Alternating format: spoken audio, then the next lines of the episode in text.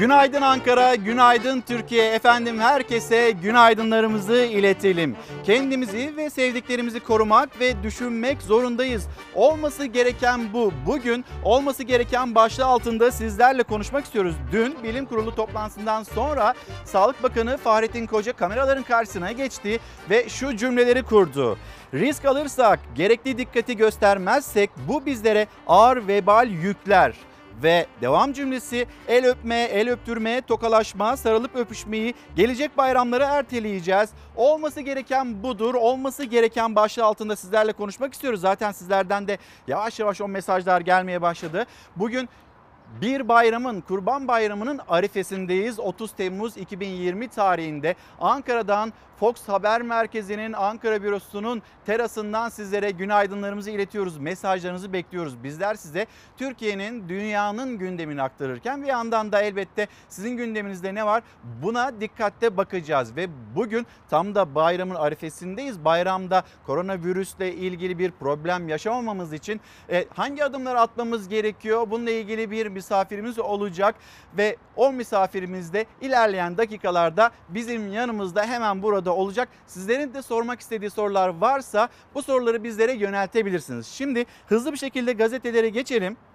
İlk gazetemizde Milliyet gazetesi olacak ve Sağlık Bakanı Fahrettin Koca, Fahrettin Koca'nın cümleleriyle ilgili bugün pek çok gazetenin de aslında bütün gazetelerin manşetinde o açıklamalar var. 65 yaşla ilgili sınırlamalar devam ediyordu. Onlara bir müjde çıktı mı? Evet bayramdan sonra 65 yaşın hani sıkıntısını giderecek bir adım atılacağını söyledi. Fahrettin Koca zaten bilim kurulunun tavsiye kararı da bu yönde. Bayram bitecek sonra bayramın ardından 65 yaşla ilgili o karar da açıklanmış olacak. Gelecek olursak Milliyet gazetesinin manşetine. Manşet virüse bayram yaptırma.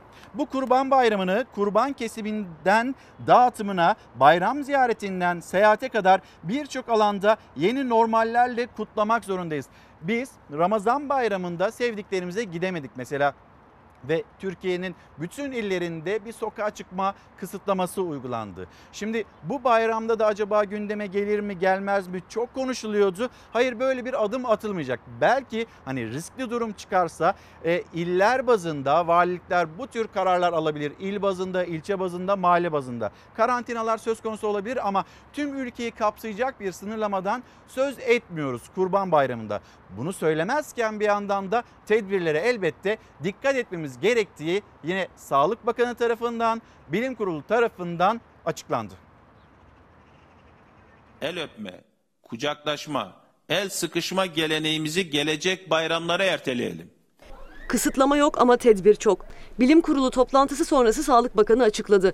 Kurban Bayramı'nda koronavirüsten korunmak için alınması gereken tedbirleri tek tek madde madde sıraladı Fahrettin Koca. Dünyada önümüzdeki dönemde özellikle ikinci dalga beklentisinin olduğunu hepimiz görüyoruz. Özellikle de influenza'nın devreye girmesiyle hem koronayla e, karıştırılması hem de üst üste gelmesiyle farklı daha etkili e, ve de e, yoğun bakım hastane yükü ve vefat edenlerin oranlarının artışıyla sonuçlanabilecek bir beklenti içinde dünyanın olduğunu biliyoruz. Eylül uyarısı bayram tedbirleriyle geldi. Sonbaharda beklenen ikinci dalgaya en az vaka sayısıyla girmek amaçlanıyor.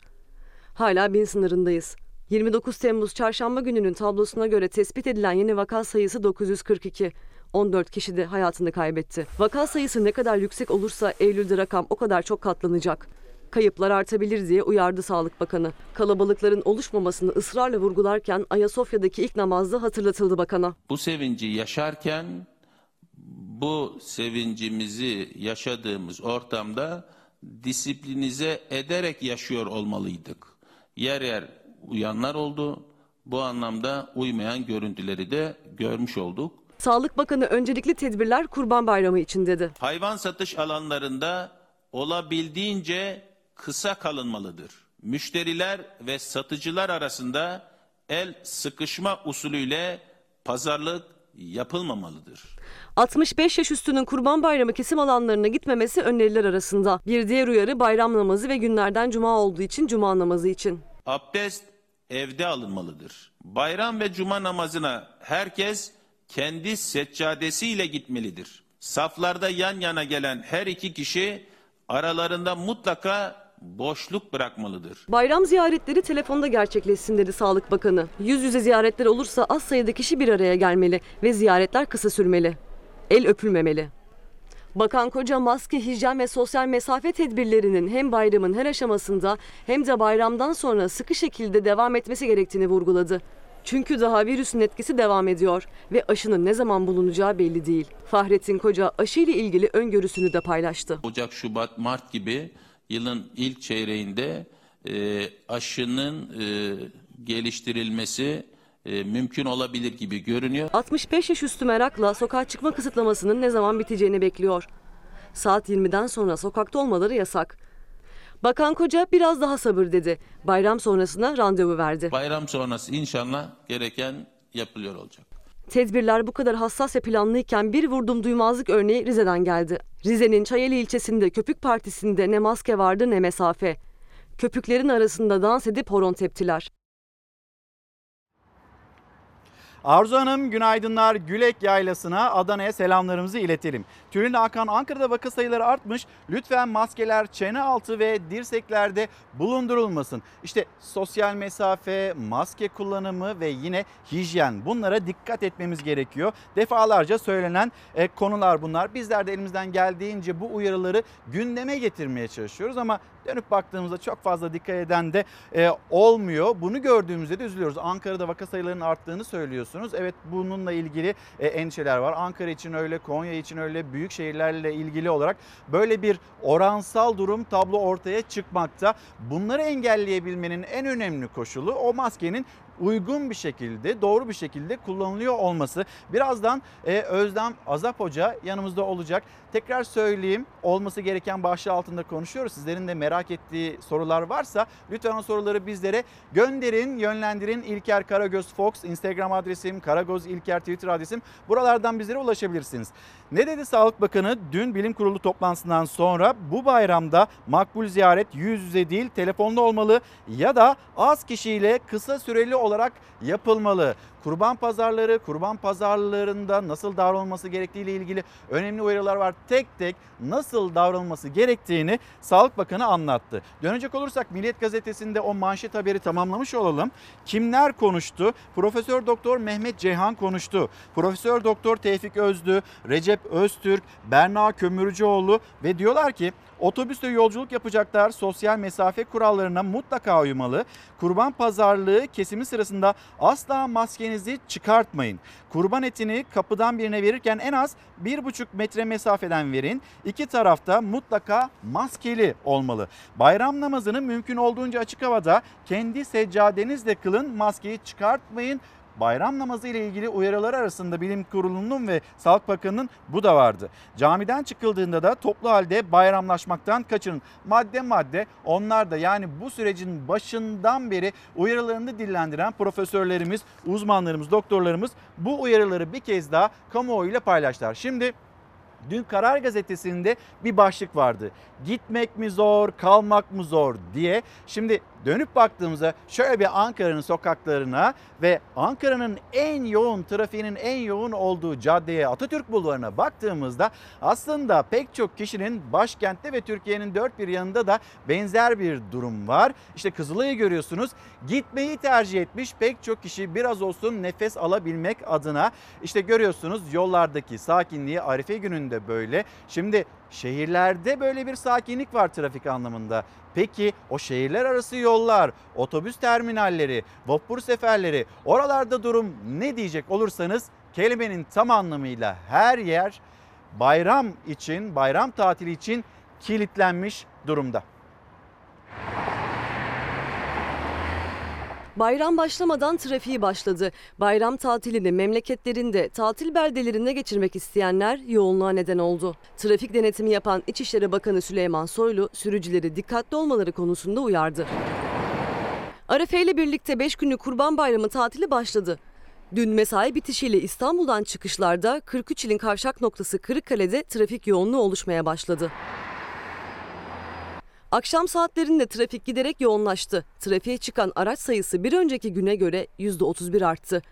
Sürücüler saatlerce yollarda kaldı. İçişleri Bakanı Süleyman Soylu da trafikte olumsuz bir durum yaşanmaması için denetimlere katıldı. Kırıkkale'de önce havadan denetimleri teftiş etti Bakan Soylu. Ardından karayolunda yaşanan yoğunluğu değerlendirdi. İnsanların yolculuk için özel araçlarını tercih ettiğini ifade eden Soylu rakamlarla konuştu. trafikteki toplam araç hareketliliğindeki artış yüzde 31. Otobüs seferlerindeki azalış yaklaşık yüzde 31. Yolcu sayısındaki artış yüzde 55. Özellikle Kurban Bayramı'nda memleketine ve tatile gitmek isteyen insanlar özel araçlarıyla birlikte daha önce görmediğimiz büyük bir yoğunluk oluşturuyorlar. 81 ilin valisi ve emniyet müdürüyle görüştü İçişleri Bakanı. Kurban Bayramı'nda uygulanacak tedbirlerin ele alındığı toplantıda Bakan Soylu, virüsle mücadeleyi bir futbol maçı gibi görmek lazım dedi. bir futbol maçı gibi görmek lazım. Hakem son düdüğü çalmadan bu maç bitmez. Bulunmuş kesin bir tedavi yok. Bulunmuş bir aşı yok. Hepsinin, hepsiyle ilgili çalışılıyor. Virüsün bulaşmasında ve yayılmasında hassasiyetimizi aynı şekilde devam ettirmemiz gerekir. Anadolu Otoyolu Ankara istikametinde Körfez, Derince, İzmit ilçeleri geçişlerinde kuyruklar oluştu. Otoyolun Ali Kahya Mahallesi geçişi ve Kandıra geçişlerinde trafik durma noktasına geldi. Bayram yolculuğu kötü bitmesin, can ve mal kaybı yaşanmasın diye bayram boyunca trafik polisleri Türkiye'nin dört bir yanında denetimlerini sürdürecek. Nilay Hanım günaydın zorlu bir yolculuk geçirmiş ve bu yolculuğun notlarını paylaşıyor. Bize Twitter'dan gönderdiği mesajda bayram için sosyal mesafe kuralını bırakın bir metreyi bir karış bile değil maalesef Tekirdağ iskelesinden Avşa Adası'na gitmek üzere bindiğim arabalı motordan paylaşıyorum görüntüleri fotoğraflar göndermiş ve insanların ne kadar birbirine yakın olduğunu söylemekte. Yani bir metre mesafeye bir buçuk metre olması gerekiyor aslında. Buna kimsenin e, riayet etmediğini edemediğini söylüyor ve insanlar arasındaki mesafenin bir karıştan daha uzak olmadığını da paylaşıyor. Yani kapasitenin üzerinde yolculuk mu yaptırılıyor? Belki bunu da konuşmamız gerekiyor. Çünkü sonrasında işte okulları açacağız. Bir toplum sağlığını korumaya çalışıyoruz. E bu toplum sağlığını korurken herkesin topyekün olarak bu mücadeleye destek vermesi gerekiyor. Nevin Hanım her ne kadar serbest olsa da bayram ziyaretlerinin çok fazla olmaması gerektiğini söylüyor. Bugün hem koronavirüsle ilgili kendimizi bayram sürecinde nasıl koruyacağımızı ve sonrasında elbette aynı zamanda siyaset, siyasetin başlıkları ve ekonomiyi konuşacağız. Karar gazetesine geldiğimizde dünyada düşüyor biz tutamıyoruz. Neden söz ediyor Karar gazetesi?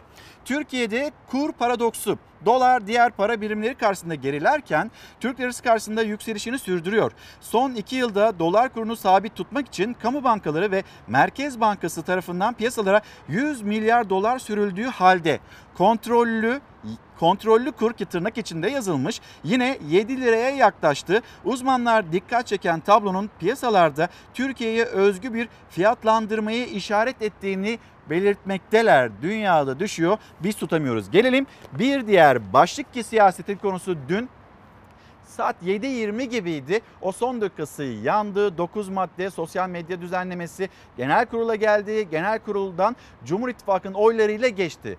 Ve muhalefet itiraz etti. Şimdi Cumhuriyet Halk Partisi'nin bu düzenlemeyi anayasaya aykırı diyerek Anayasa Mahkemesi'ne taşıması bekleniyor. Türkiye bir gece yarısı geriye gitti. Karar gazetesinin başlığı. Geçen yıl 408 bin siteye erişimin engellendiği Türkiye'de sosyal medya düzenlemesi meclisten geçti.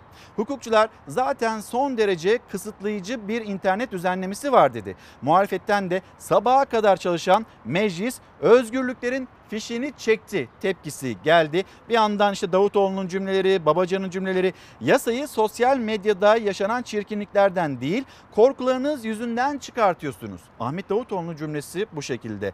Ali Babacan ifade ve basın özgürlüğünü hedef alan ciddi bir tehdit. Ülkemiz adına endişemiz büyük dedi. Saadet Partisi lideri Temel Karamollaoğlu medya padişahınsa sosyal medya bizimdir demiştik. Padişah sosyal medyaya da göz dikti dedi dün basın toplantısında. CHP'li Muharrem İnce sabaha kadar çalışan meclis özgürlüklerin fişini çekti. Sorunlar engelle ortadan kaldırılamaz dedi. ve Yaman Akdeniz, Profesör Doktor Yaman Akdeniz'de Türkiye'de zaten kısıtlayıcı düzenlemeler var ve halen 400 bin siteye erişim engeli bulunuyor. Şimdi sosyal medya, sosyal medya üzerinden getirilmiş olan bu düzenleme, buna itirazlar, iktidar cephesinin ya da Cumhur İttifakı cephesinin bunu savunuşu. İşte o haber. Türkiye'yi sosyal medya özgürlüğünde küme düşen dördüncü ülke yapacaksınız. Kimden sonra? Kuzey Kore'den, Çin'den ve İran'dan sonra. İktidar her adımda şeytanın rehberliğinde ilerliyor. Sonbaharda kontrolü iyice kaybedecek. Meclis kapanmadan iktidar interneti kendi kontrolü altına almak istiyor. Anlaşılan o ki padişah sosyal medyaya da göz dikti. Susmayın iktidarın sansürcü anlayışına, yasakçı, engelleyici anlayışına karşı toplumsal ve siyasal muhalefeti durdurmayın. Her şeyi kapatsanız bak yemin ediyorum dumanla haberleşip sizi yine yıkacak. Çok tartışılan sosyal medya düzenlemesi muhalefetin itirazları Cumhur İttifakı'nın oylarıyla bir gecede meclisten geçti. Muhalefet sansür, fişleme ve intikam yasası dedi. Z kuşağı vurgusu yaptı. Oy moy yok diyen o gençler var ya o gençlere duyulan kinin tezahürüdür aslında. Gençlerin sözünü size daima hatırlatacağız. Gençler geliyor, AKP gidiyor. Güle güle. Dislike dediler. O dislike'tan belki bugün kurtulursunuz ama onların seçimde size kesecekleri cezadan kurtulamazsınız. Z kuşağıyla ilgili bir düzenleme yok ki. Niye Z kuşağının stresine saklanma gereği duyuyorsunuz? Korkunun ecele faydası yok. Ne olacak? Ekşi sözlüğü mü kapatacaksınız, ak sözlük mü kuracaksınız? Twitter'ı yasaklayıp sarayın Twitter'ını mı kuracaksınız? Bu düzenleme gençlere savaş açmaktır. Bir intikam yasasıdır. İntikam duygusuyla hazırlanan hiçbir yasanın bu ülkeye hiçbir faydası olmaz. Bu kanun sonunda herkesin işine yarayacak bir kanun. Yarın öbür gün milletvekili olmadığımda da faydalanayım diye birey olarak çıkartıyoruz. Tansiyonu yüksek oturumda en çok tartışılansa yasanın talep halinde kişiyle ilgili bilgilerin silinmesini içeren unutulma hakkını getirmesiydi. Bu yasayla kendi yarattıkları kişili arşivi silmeyi planlıyorlar. İnternete giriyorsunuz bir bakıyorsunuz ne makara kalmış ne bakara.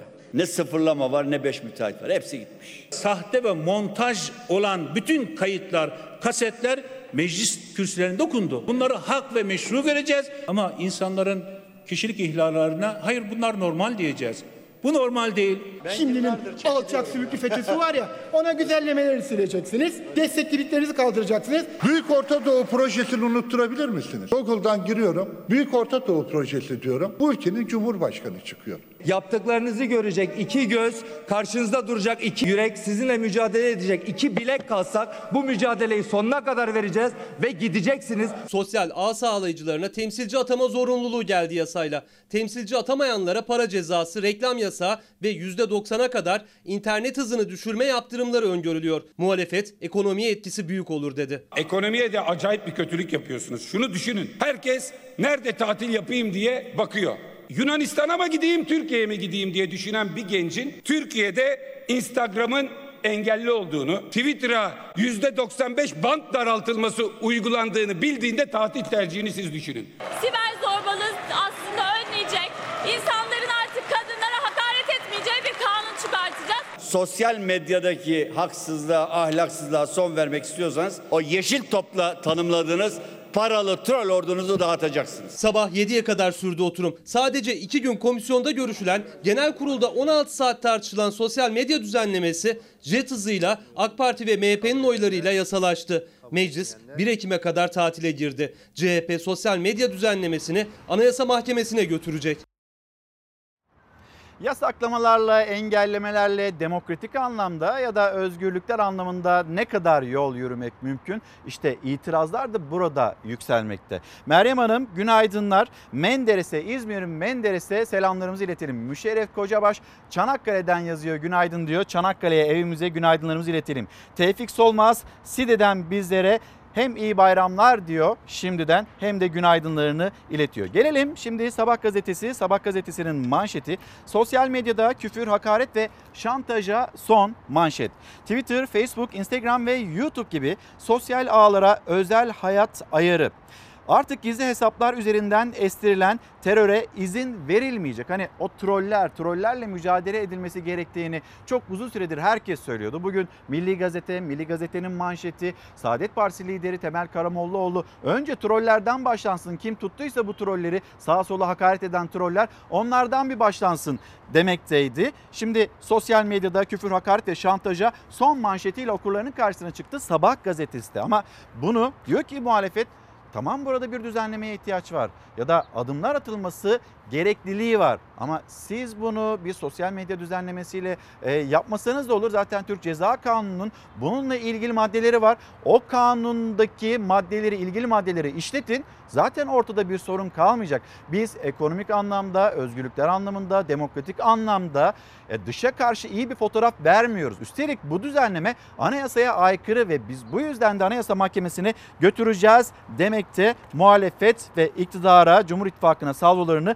bu şekilde yöneltmiş durumdalar. Şimdi yönetmenimiz Hilal, Hilal Hallaç'la beraber şimdi yayınımızı gerçekleştiriyoruz. Dev bir ekiple hem Ankara ekibiyle hem de İstanbul'daki e, reji ekibiyle birlikte Zeray Kınacı yönetiminde e, Beyza Gözeyik'le birlikte. Şimdi bugün bugünün notlar arasında başka hangi haberler var? Sıradaki haberimiz nedir Hilal'cim? Onu da hemen izleyicilerimize bir aktaralım. Evet gergin bir oturum gerçekleşti. Bu arada Türkiye Büyük Millet Meclisi'nde e, tatil başladı. Türkiye Büyük Millet Meclisi tatile çıktı. İstenilmiyordu ya da bazı önemli konularla ilgili en azından Türkiye Büyük Millet Meclisi'nin açık kalması gerektiğini söylüyordu yine muhalefet. Öyle olmadı 1 Ekim 2020 tarihine Perşembe gününe kadar meclis tatil edildi. Ve meclisin bu tatilden önceki son oturum saatlerce sürdü ve o oturumdan sonra o sosyal medya düzenlemesi de e, genel kuruldan geçti. O oturum sırasında da gergin anlar yaşandı. Değerli arkadaşlar sizinle bir şey paylaşmak istiyorum. Kaybettiklerimiz bir daha asla geri dönmeyecek. Tek yapabileceğimiz geçmişle barışmak ve ondan ders almaya çalışmak. Size tanıdık geldi mi bu? Dokuzuncu maddeyi oylarınıza sunuyorum.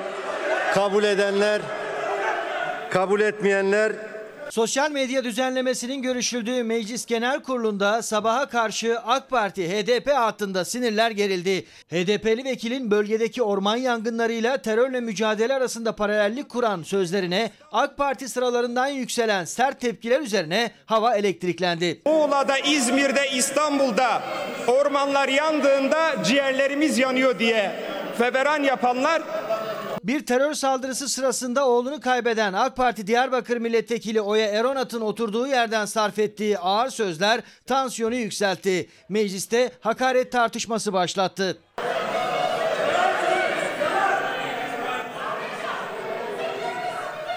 maddelerin oylamaları tamamlanmıştır. Teklifin tümünü oylamadan önce Gerilim yükseldi, başkan oturumu ara verdi. Tüm partilerin grup başkan vekillerini arkaya toplantıya çağırdı. Oya Eronat'a meclis iş tüzüğüne göre kaba ve yaralayıcı sözler sarf etme ve hareketler yapma kapsamında kınama cezası verilmesi kararlaştırıldı. Oya Hanım'ın göstermiş olduğu tepki de o çerçevede bir tepki bağlamında görülmesi gerekir. Benim tekrar etmeyeceğim ifadeler konuşmacıya söylenmiş gibi tutanaklara geçmiş. Bu şekli bu şekli bu şekli arkadaşlar AK Parti sıralarından tepkiler devam ederken Başkan Oya Eronat'a kınama cezası verilmesini oylamaya sundu. Diyarbakır Milletvekili Oya Eronat'a kınama cezası verilmesini genel kurula teklif ediyorum. Kabul edenler kabul edilmemiş. Dokuzuncu maddeyi oylarınıza sunuyorum.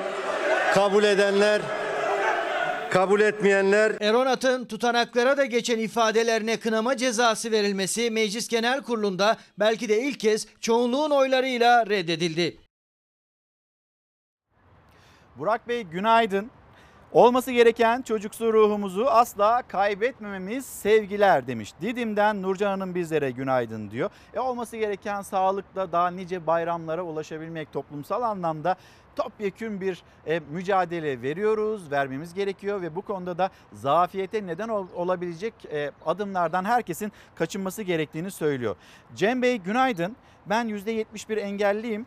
Ve 3 faz pandemi yardımı verecekler. 21 Temmuz'da PTT'ye isimlerimiz gönderilmiş fakat ödeme henüz açılmamış. Acaba bu konuyla ilgili bir açıklama yapmayı düşünüyor mu yetkililer demekte. Buradan sesinizi Cem Güven'in sesini ve Cem Güven Bey gibi e, bu yardımı bekleyen izleyicilerimizin, vatandaşlarımızın mesajını da yetkililere iletmiş olalım. Bayramların bayram tadında yaşanacağı güzel günler çabucak gelsin. Gülay Göktuman bizlere günaydın demekte.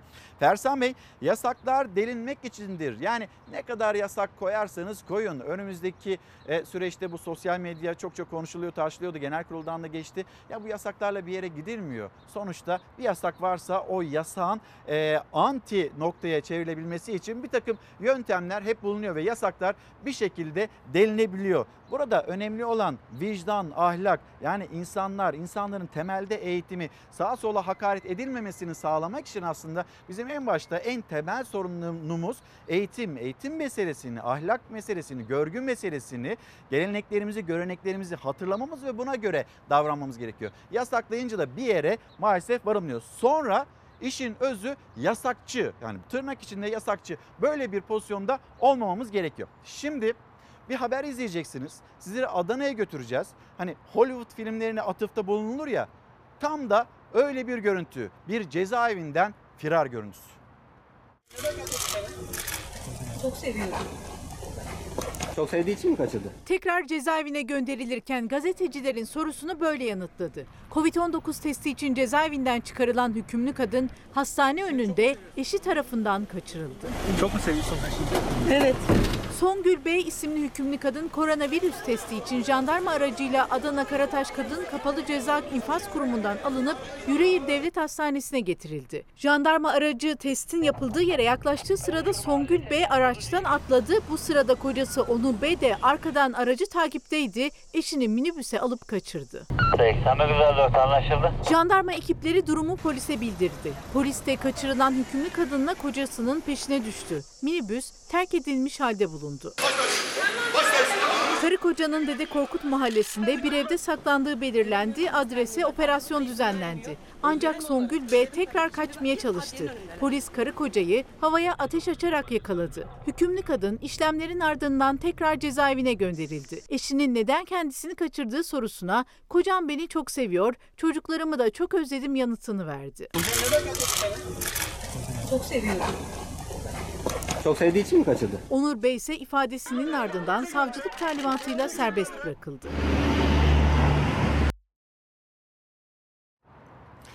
Futboldan bir haber de paylaşalım aslında Türkiye Futbol Federasyonu o habere de geçiş yapacağız.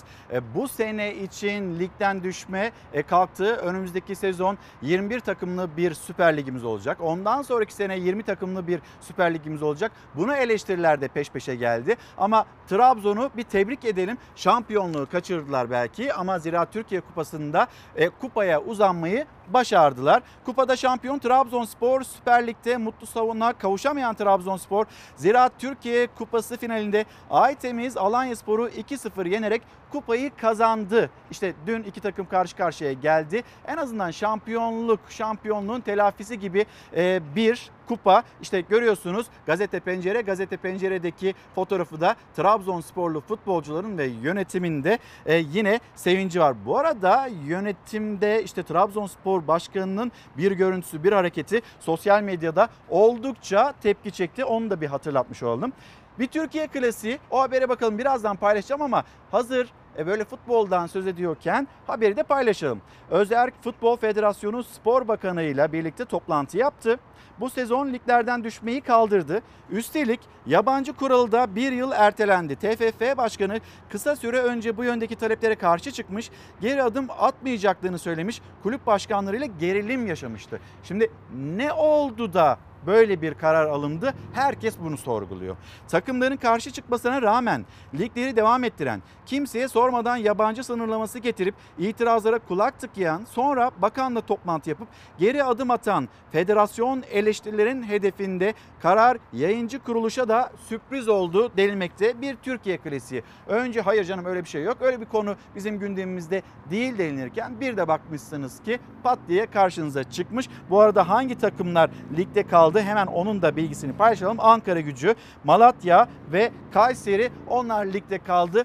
Bugün saatler 21'i gösterdiğinde Adana Demirspor'la Fatih Karagümrük karşı karşıya gelecek bir final karşılaşması. Bu arada Adana Demirspor da hemen bizim yayın yaptığımız Çalar Saati sunduğumuz platformun yan tarafındaki otelde kalıyor, konaklıyor. Bugün belki hafif bir idman sonrasında takımlar karşı karşıya gelecekler. Biz bir takımın da üste yükselip yükselmeyeceğini bugün saatler 21'i gösteren o karşılaşmadan sonra öğrenmiş olacağız. Ve şimdi Trabzon'u tebrik edelim. Trabzonspor'da 10 yıllık hasret bitti. Bordo Mavililer Ziraat Türkiye Kupası şampiyonu oldu. 9. kez kupayı evine götürdü.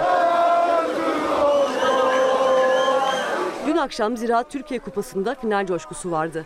İstanbul Atatürk Olimpiyat Stadında finalde Trabzonspor'la Aytemiz Alanya Spor karşı karşıya geldi. Maçta üstün oynayan taraf Bordo Mavili takımdı. Trabzonspor Abdülkadir Ömür ve Charlotte'un golleriyle 2-0 kazandı. En son 2009-2010 sezonunda kazanmıştı Trabzonspor kupayı. Gelen şampiyonlukla 10 yıllık hasret sona ermiş oldu.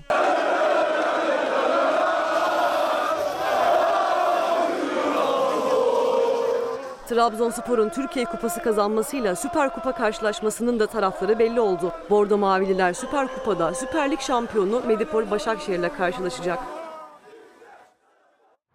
Şimdi bir molaya gideceğiz. Böyle hemen hızlı hızlı aktarmak istediğimiz haberler var. Onları sizlerle paylaşacağız. Sonra Türk Tabipler Birliği Koronavirüs İzleme Heyetinden Doktor Özlem Azap'la burada buluşacağız. Tekrar ben sosyal medya hesaplarımızı hatırlatayım. Özlem Hoca'ya sormak istediğiniz sorular varsa diye İlker Karagöz e, Fox Instagram adresim, Karagoz İlker Twitter adresim. Buradan bize sorularınızı ulaştırabilirsiniz ve bugünün başlığı olması gereken mola hemen dönüş, dönüş yapacağız. Kemal Bey günaydın. Kemal Doğan yazmış göndermiş. Sağlıklı, huzurlu, sevdiklerine hayırlı bayramlar, sevgiler, selamlar demiş. Bizden de size, bizden de tüm Türkiye'ye şimdiden bayramınız mübarek olsun. Güzel bir bayram olsun. Sağlıklı, huzurlu ve sevdiklerimizde hani belki yine e, bir kısıtlaması yok ama yine telefonda geçirmemiz gereken bir bayramdan söz ediyoruz. Şimdi mesela Piyasalar, piyasalara bakacağız. Amerika Birleşik Devletleri Merkez Bankası FED, FED'in faiz kararı piyasaları özellikle altın fiyatlarını nasıl etkiledi? Birazdan bunun haberini sizlerle paylaşacağız. Aynı zamanda siyasetin önemli konularından bir tanesi CHP lideri Kemal Kılıçdaroğlu kurultayda e, dostlarımızla iktidar olacağız dedi. Dün burada bir misafirimiz vardı. Cumhuriyet Halk Partisi Grup Başkan Vekili Engin Özkoç. Kim peki bu konuklarınız diye sormuştuk. Birazdan bu konuya da geçiş yapacağız. E, İstanbul Sözleşmesi, İstanbul Sözleşmesi ile ilgili e, savunmalar ya da itirazlar bu sözleşmeden geri adım atılacak mı, vazgeçilecek mi istenilmiyor. İstanbul Sözleşmesi denildiğinde en nihayetinde kadınlara yönelik şiddet olaylarının engellenmesinin önünde en önemli sözleşme. Bütün dünyada böyle. Mesela Polonya örnek olarak gösteriliyor. Polonya ben çıkmak istiyorum bu İstanbul Sözleşmesi'nden e, dediğinde Fransa'dan sert bir yanıt geldi ve Fransa diyor ki Tamam sen bilirsin çıkabilirsin. O zaman Avrupa Birliği'nin o teşviklerinden de yararlanamazsın. Böyle bir yaptırım var karşısında Polonya'nın. Bakalım Polonya İstanbul Sözleşmesi'nden çıkacak mı çıkmayacak mı? Türkiye nasıl bir karar alacak konuşacağız. Ankara'da bugün çok güzel bir hava var ve e, memleketin aslında genelinde benzer bir e, hava durumu olduğunu görüyoruz. Ankara'da bugün hava sıcaklığının 34, 34 derece dolaylarında olacağının bilgisini verip hemen sizi bir memleket havasıyla buluşturalım. Kurban Bayramı yarın başlıyor. Türkiye bayramla birlikte sıcakların artacağı, mevsim normallerinin üstüne çıkacağı günlere giriyor. Bayram süresince hava sıcaklıklarının kıyı kesimlerde mevsim normallerinde, iç kesimlerde ise 1 ile 3 derece üzerinde seyredeceği tahmin ediliyor. Bugün ve yarın yani bayramın birinci günü kıyı kesimlerde termometreler yukarı doğru tırmanıyor. Sadece Samsun'un merkez ve doğu ilçeleriyle Ordu çevresinde yağış var. Yurdun geri kalanında ise yakıcı bir güneş ve açık bir gökyüzü. Bayramın ikinci günü yağışlar Karadeniz'in tamamına yayılacak. Özellikle Doğu Karadeniz'de gök gürültülü sağanak yağışlar görülecek. Uzmanlar yaşanabilecek olumsuzluklara karşı vatandaşları uyardı. Bayramın üçüncü gününe bulutlu bir hava hakim. Yağışlar Karadeniz'in doğusunda toplanıyor. Sinop, Samsun, Ordu, Tokat ve Amasya çevrelerinde kısa süreli yağmurlar görülebilir. Bayramı dördüncü gününde benzer bir gökyüzüyle uğurlayacak Türkiye. Sıcak havalardan olumsuz etkilenmemek için dışarıda çok uzun süre kalmamakta fayda var. Bize günaydın diyen tüm izleyicilerimize bizler de günaydınlarımızı iletelim. Şakası yok. Sağlık Bakanı Fahrettin Koca uyardı. Bilim Kurulu Kurban Bayramı öncesi toplandı. Toplantının ardından Bakan Koca bayramda kısıtlama getirilmemiştir. Gerekli dikkati göstermezsek bu bize ağır bir vebal yükler dedi. Sağlık Bakanı'nın açıklamaları bu yöndeydi. Evet üzerimizde büyük bir yük var. Herkes böyle kendisinin polisi olmak durumunda. Herkes dikkat etmek durumunda. Şimdi çok önemli bir veriyi de paylaştı aslında Sağlık Bakanı dünkü toplantıda. 10 bin kişi de 26 kişi. Şimdi bu 26 kişi virüsü taşıyor, virüsü taşıdığını bilmiyor. Hiçbir semptomda e, gözlenmiyor. Yani bu kişiler, bu kişiler bu virüsü taşıyorlar, sağa sola yayabilirler ve günlük vaka sayılarını arttırabilirler ve büyüklerimiz büyüklerimizi bulaştırabilirler. O yüzden zaten bu işin şakası yok. Bu önemli bir veriydi. Yine 10 bin kişiden 80'i bağışık. Hani böyle bir bir süre konuşuldu. Toplum bağışıklığı hani bunun üzerinde mi duruluyor? Yavaş yavaş böyle e, 1 Haziran'dan itibaren normalleşmeler hayatımıza girdi. Toplum bağışıklığı mı yaratılmaya çalışılıyor denilirken böyle bir seviyede olmadığımızı söylüyoruz. Yani 10 bin kişiden sadece 80'i bağışık. Bu oran son derece düşük dedi Sağlık Bakanı. Yani bir toplumsal bağışıklıktan söz edilebilmesi için %60'lar %65'ler seviyesinde olması gerekiyor. Yani 10 bin kişiden 6 bin kişinin ya da 10 bin kişiden 6500 kişinin e, böyle bir bağışıklık içinde olması gerekiyor ki toplum bağışıklığından söz edilebilsin. Biz bu seviyelerde değiliz hatırlatmasını yapalım. Gelelim gazete pencereden seçtiğimiz diğer habere. Enflasyon tahmini faizin üzerinde. Merkez Bankası son para e, kurulu toplantısında 8.25 olan politika faizini değiştirmedi ama yayınladığı enflasyon raporunda enflasyon beklentisini %7.4'ten 8.9'a çıkardı. Yani enflasyon beklentisi uygulanan faizi geçti. Uzmanlar böylece faizin enflasyon yarattığına ilişkin tezin de çöktüğüne dikkat çektiler. Faiz yükselirse enflasyon da yükselir diyordu Cumhurbaşkanı Erdoğan. E şimdi bu tezin de çöktüğünü söylemekte piyasa uzmanları. Bununla ilgili sosyal medya paylaşımları var. Ben yönetmenimiz Hilal'den bir rica edeyim. Hem doçent doktor Oğuz Demir hem de profesör Veysel Ulusoy'un açıklamaları var sosyal medya üzerinden. Diyor ki Oğuz Demir Merkez Bankası yıl sonu tüfe tahminini %7.4'ten %8.9'a yükseltti. Varsayımlar pandemide ikinci dalgayı içermeyen bir senaryoya dayandırıldı. Yine çift haneyle bitiririz dostlar. Merkez Bankası bu kadar arttırdıysa Gerçeği siz düşünün. Acaba sizin hissettiğiniz enflasyon nedir? Tek haneli rakamlar mı? Ya da bu hani %5 hedefi konulmuştu. Biz o hedefe ne kadar yakın olabiliriz? Bunu soralım size. Merkez Bankası halk gelirsiz, işsiz olacağı için talep düşecek, fiyatlar az artacak demekte. Ve bu açıklamanın da talihsiz bir açıklama olduğunu söylüyor bize Veysel Ulusoy. Ve hemen gelelim şimdi e, Amerika Birleşik Devletleri Merkez Bankası'nın faiz kararı ve o faiz kararının altın fiyatlarına etkisi. Amerika Birleşik Devletleri Merkez Bankası FED piyasaların merakla beklediği faiz kararını ilan etti. Değişikliğe gitmedi. Altında yeni rekor geldi. FED faizi beklentiler doğrultusunda %0 ile 0.25 arasında sabit bıraktı. Devam eden sağlık krizi, ekonomik aktivite, istihdam ve enflasyon üzerinde kısa vadede ağır şekilde baskı yaratacak açıklaması yaptı. Salgının orta vadede ekonomik görünüm için kayda değer riskler yaratıyor değerlendirmesiyle gözler güvenli liman olarak görülen altına çevrildi. Dün gün içinde en düşük 1941 doları gören ons altın Fed'in açıklamasıyla birlikte 1980 dolar seviyesine kadar yükseldi. Bu gelişmeyle birlikte gram altın 444 lirayla tarihin en yüksek seviyesine ulaşmış oldu. Dolar artık 7 lira sınırında 6 lira 97 kuruş seviyelerinde. Euro ise 8 lira 20 kuruşun üzerinde.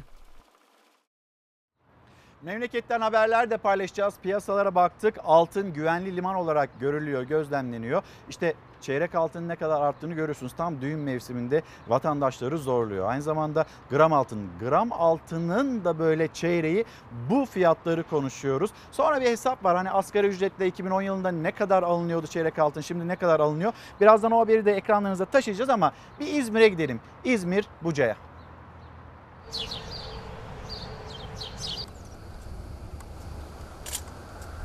O salkım salkım üzümlerde binbir emek ve alın teri var.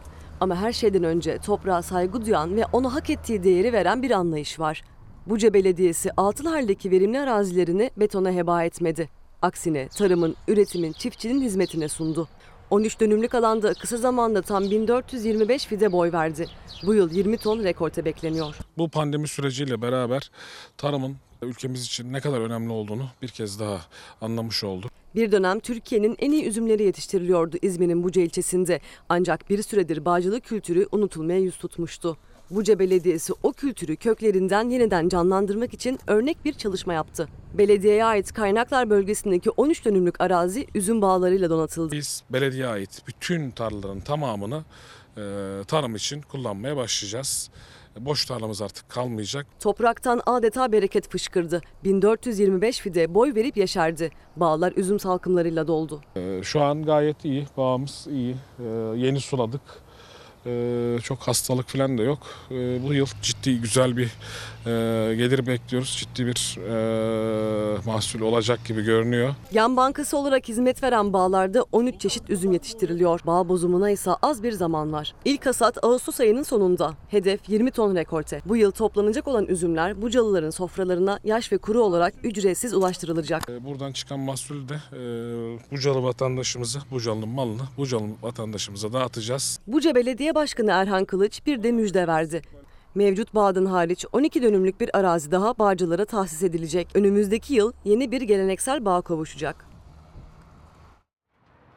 Hemen şimdi de bir siyasetin sıcak başlıklarından birisi olan dostlar polemiği. Cumhuriyet Halk Partisi lideri Kemal Kılıçdaroğlu'nun yaptığı açıklama dostlarımızla iktidar olacağız açıklaması ve sonrasında Cumhur İttifakı ile Millet İttifakı arasında yaşanan o atışma.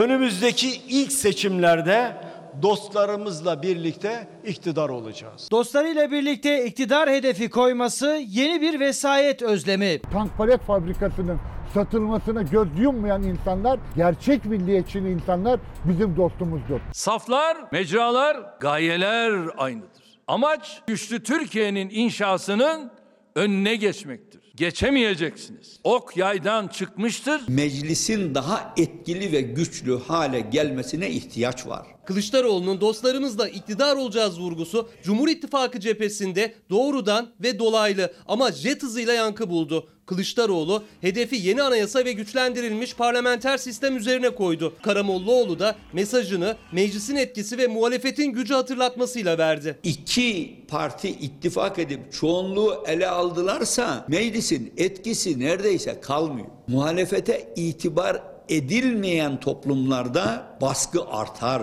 İyi Parti, Saadet Partisi bizim dostumuzdur. 13 maddeyi kucaklayan her siyasi parti bizim dostumuzdur. Deva Partisi, Gelecek Partisi, Bizim HDP dostumuzdur. bu 13 maddede birlikte yürüyorlarsa bizimle Evet. o da bizim dostumuzdur. Tavsiyemiz dostlarına fazla güvenmemesidir. Çünkü güvendiği karanlık dostları yeri geldiğinde samanı postuna dolduracaktır. Dostlarımızla deyince o cenahta bir titreme meydana geldi. Mükemmel olduğumuzu, her şeyin en doğrusunu bildiğimizi, en idealini yaptığımızı iddia etmedik etmiyoruz. Sayın Cumhurbaşkanı bunun farkına varmış gibi gözüküyor. Yalnız yaklaşımı farklı.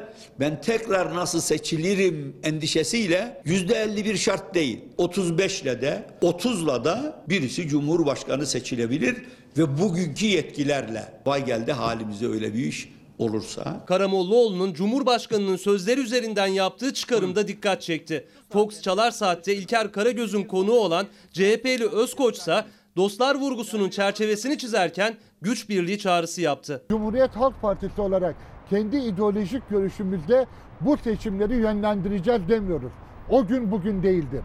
Biz bütün dostlarımıza gelin birlikte olalım, layık demokratik parlamenter düzeni kurup tekrar bir güçlü Türkiye inşa edelim diyoruz. Sadece söylediklerine biz geliyoruz. Ya neyle geliyorsun? Cesareti varsa sandığı koyar ve herkes boyunun ölçüsünü alır orada. İyileştirilmiş ve güçlendirilmiş parlamenter sisteme dair yüzde 54 ile 60 küsür arasında vatandaş dönme talebini, isteğini dile getirmekte. Evet erken seçim istiyoruz. Çiftçilerimiz için istiyoruz. esnafımız için istiyoruz. Çünkü onların artık dayanacak gücü kalmadı. Muhalefet seçim sandık istiyor. İktidar 2023 diyor. Erken seçime ayak diriyor. Efendim misafirimiz geldi. Başkent Üniversitesi Enfeksiyon Hastalıkları bölümünden e, Doktor Özlem Kurt Azap'la birlikteyiz. Türk Tabipler Birliği İzleme Kurulu, Covid İzleme e, grubundan aynı zamanda e, siz bir 4 ay değerlendirmesi de yaptınız. 5. aya da yaklaşıyor. Hocam günaydın. Merhabalar Hoş geldiniz. Çok sağ olun. Hani Arife günü bir yandan böyle hastanede bir yoğunluğunuz var biliyorum. İşte önümüz bayram. Bayramla ilgili konuşmamız gerekiyor. Çünkü dün e, Sağlık Bakanı'nın yapmış olduğu açıklamalar sürekli bir e, bayram vurgusu, çok fazla dikkat etmemiz gerektiğine yönelikti. Bu konuları konuşacağız. Ben hemen bir sosyal medya hesaplarımızı hatırlatayım tekrardan. Çünkü sizlerin de belki Özlem Hoca'ya sormak istediğiniz sorular vardır. E, İlker Karagöz Fox Instagram adresim, Karagöz İlker Twitter adresim. Buradan bize ulaşabilirsiniz ve dünyadaki endişe, dünyadaki panik ikinci dalganın başladığına yönelik. Hemen bir bu haberi paylaşalım. Sonra sohbetimizi sürdürelim.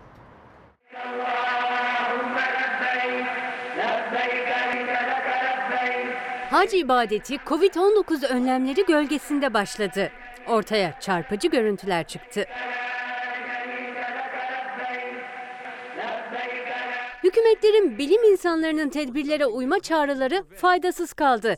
Covid-19 salgınının etkisi katlanarak sürmeye devam etti.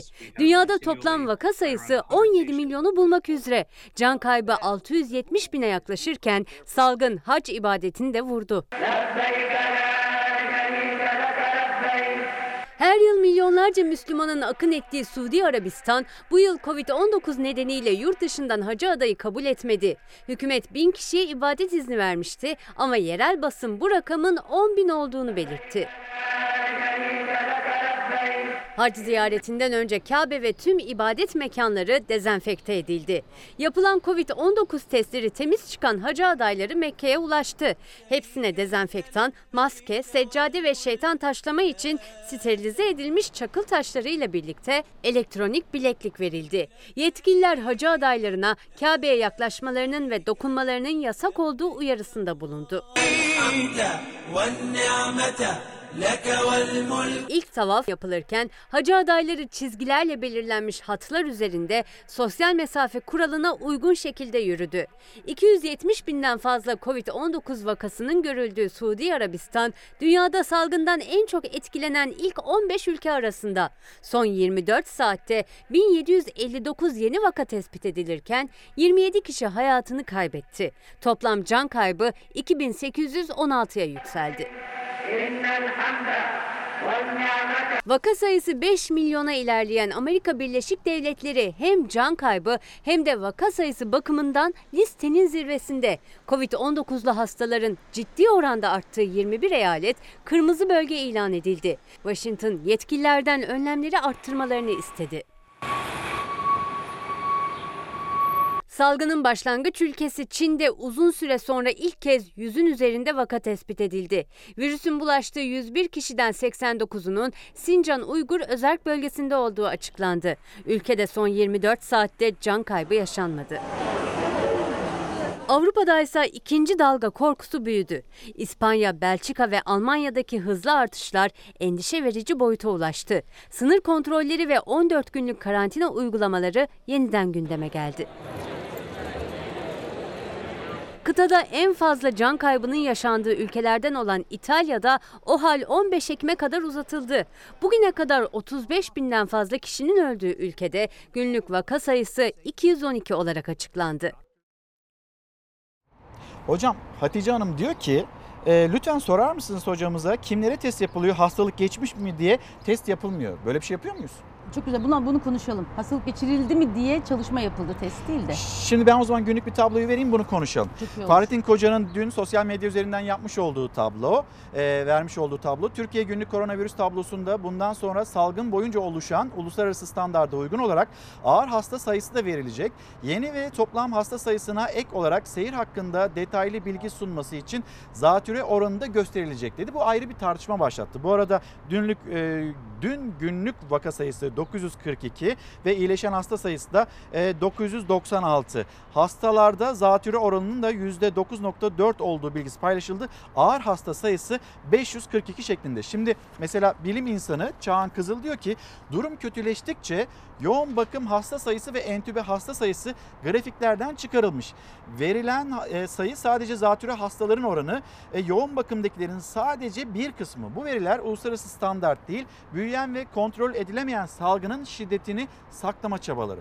Ve yine Profesör Doktor Fatih Tank diyor ki yoğun bakım hasta sayısının aktif vakaya oranı için dünya ortalaması %1 civarında olduğu söyleniyordu. Bu oran Türkiye için dün yaklaşık %11'di. Bu oran dün bugün itibariyle dünden bahsediyoruz. Bulunamıyor çünkü ırmaktan geçerken veriler ve tanımlar değişti. Ne dersiniz bu tablo değişikliğine ya da yeni bir tablo e, ya da numaralandırma sistemine? Aslında e, salgının başından itibaren bizim sayıları izlerken epidemiyolojik ölçütlere uygun bir şekilde e, paylaşılmadığını ifade etmiştik Tabipler Birliği Covid İzleme Kurulu olarak. Biz bir takım e, standartlar vardır bir salgın izlenirken bilinmesi gereken yani sağlıkçıların bilmesi gereken. Biz onları kapsamlı bir şekilde zaten bilmiyorduk. Özet olarak toplumla paylaşılan bu turkuaz renkli tabloyu biliyorduk. Oradan da ne biliyorduk? Aktif hasta sayısı, yoğun bakıma yatan, yoğun bakımda yatan hasta sayısı ve solunum cihazına bağlı hasta sayısı. Şimdi burada da e, bu kadar veri üzerinden düşündüğümüzde e, aktif hasta sayısının sayısıyla yoğun bakıma yatan hasta sayısının oranı %1 olması lazım. 100 aktif vakaya karşılık bir yoğun bakıma yatan hasta olması lazım ki bu düne kadar %10-11'lerdeydi Türkiye'deki Çok yüksek. tablolarda çok yüksek görünüyordu. Sonra bu dile getirilince dünden itibaren bu veri tablodan çıkarıldı. Zatürre oranı verilmeye başlandı. Şimdi zatürrenin ne olduğuna bakalım. Akciğer enfeksiyonu demek zatürre tıbbi olarak pnömoni yani. Elbette pnömoni oranını sağlıkçıların bilmesi önemli ama pnömoni oranını hani epidemiyolojik olarak takip etmenin bize e, bir katkısı, salgını izlemek açısından bir katkısının olması zor. Buradaki bizim kaygımız aslında salgın yönetimi sırasında hastanedeki yoğun ve yoğun bakımdaki işleyişe odaklanmayı zaten baştan itibaren biz doğru bulmuyoruz. Salgın toplumda kontrol edilebilecek bir şey. Yani e, toplumdaki salgın kontrol edilmediği sürece ne hastanedeki yoğun bakım yatakları e, vesaire yeterli olmayacaktır diye ifade ediyoruz. Şu anda da aynı noktadayız. Sonuçta bu verilerin değişmesinin gerekçesini bakan daha ayrıntılı veri vermek olarak açıkladı. Ama bizim e, tıbbi olarak baktığımızda daha ayrıntılı gelmiyor bize onu söyleyebilirim. Verilerle ilgili e, bir şüpheniz var mı Türk Tabipler Birliği olarak? Çünkü bu da çok dillendiriliyor. Şimdi bizim e, bildirilen rakamlarla gördüğümüz arasında bir fark olduğunu düşünüyoruz. O zaman Ankara'da durum ne? Ankara'da aslında olgu sayıları e, arttı.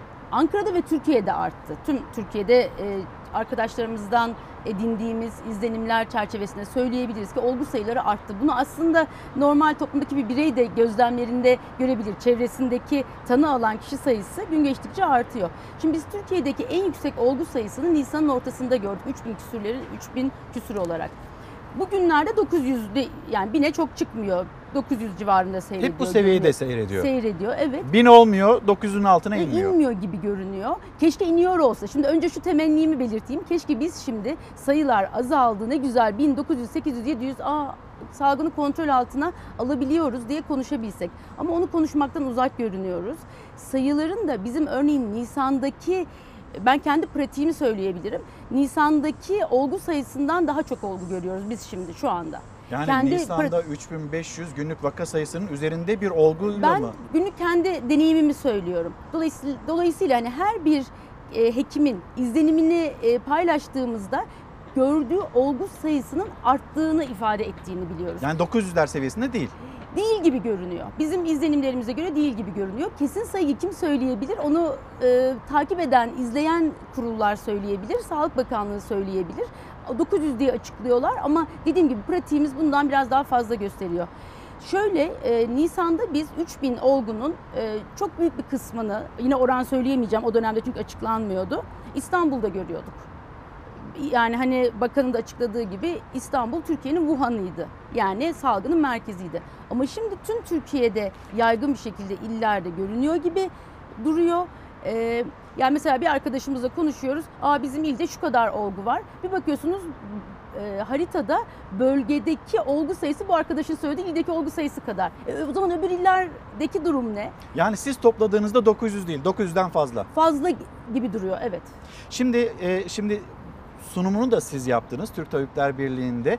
Bir karnemizi söyler misiniz? Ne durumdayız biz virüsle mücadelede? Ve Türk Tabipleri Birliği e, her ay e, salgını ikinci aydan itibaren değerlendirme yoluna gitti. İkinci ayda bir rapor yayınlandı. Üçüncü ayda bir değerlendirme özeti yayınlandı. Dördüncü ayda yeni bir rapor yayınlandı. Rapordaki belki en önemli eksiklik yine veri eksikliğiydi. Mevcut verilerle bir yorum yapmak durumunda e, kalındı bu raporda da diğer raporlarda değerlendirmelerde olduğu gibi. E, ama çerçeve olarak da e, yine de uluslararası veriler ve bilgilerle e, oluşturulmaya çalışılan tablolar var. Ben izlenmesini öneririm. Tabipler Birliği'nin web sayfasında mevcut. Burada e, verilerin yanı sıra dikkat çeken diğer bir nokta sağlık çalışanlarına ilişkin olarak bizim kaç sağlık çalışanı hasta, kaçını maalesef ki kaybettik, meslek dağılımları nedir gibi bilgilere sahip olmadığımızı raporu hazırlarken bir kez daha gördük. Umarım kısa süre içinde bu veriler paylaşılır çünkü sağlıkçılar çok yoruldular, çok emek veriyorlar. Hocam şimdi bunları bilmiyor olmak bize bir avantaj getirmiyor. Evet avantaj yani aslında salgın Yani yönetimi mücadelede bir başarı getirmiyor. Getirmiyor maalesef getirmiyor.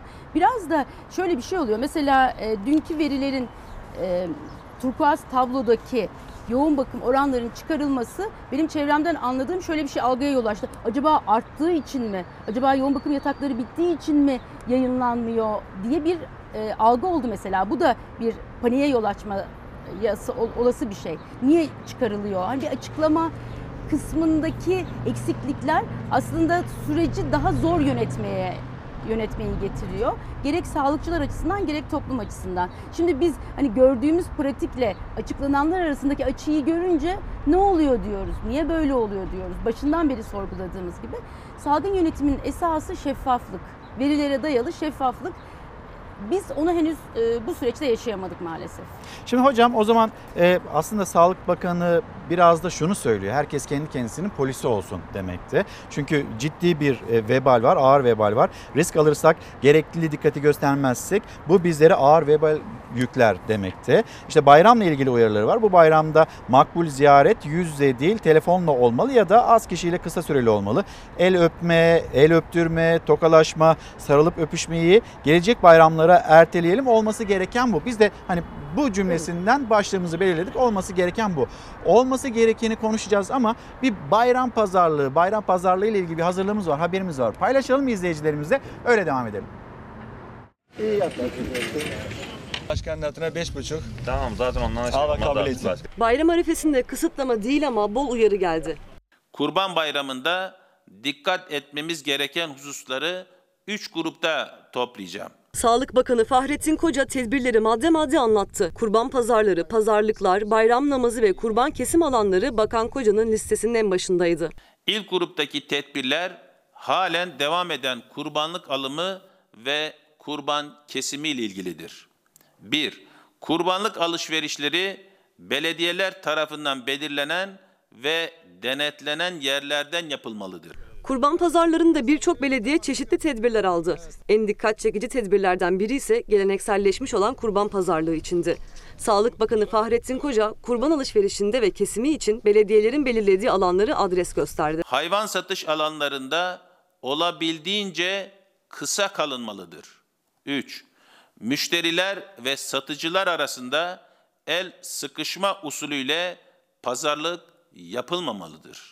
Yapılan uyarılar doğrultusunda İzmir Çiğli Belediye Başkanı Utku Gümrükçü de kurban pazarını ziyaret etti ve esnafa pazarlık sopaları dağıttı.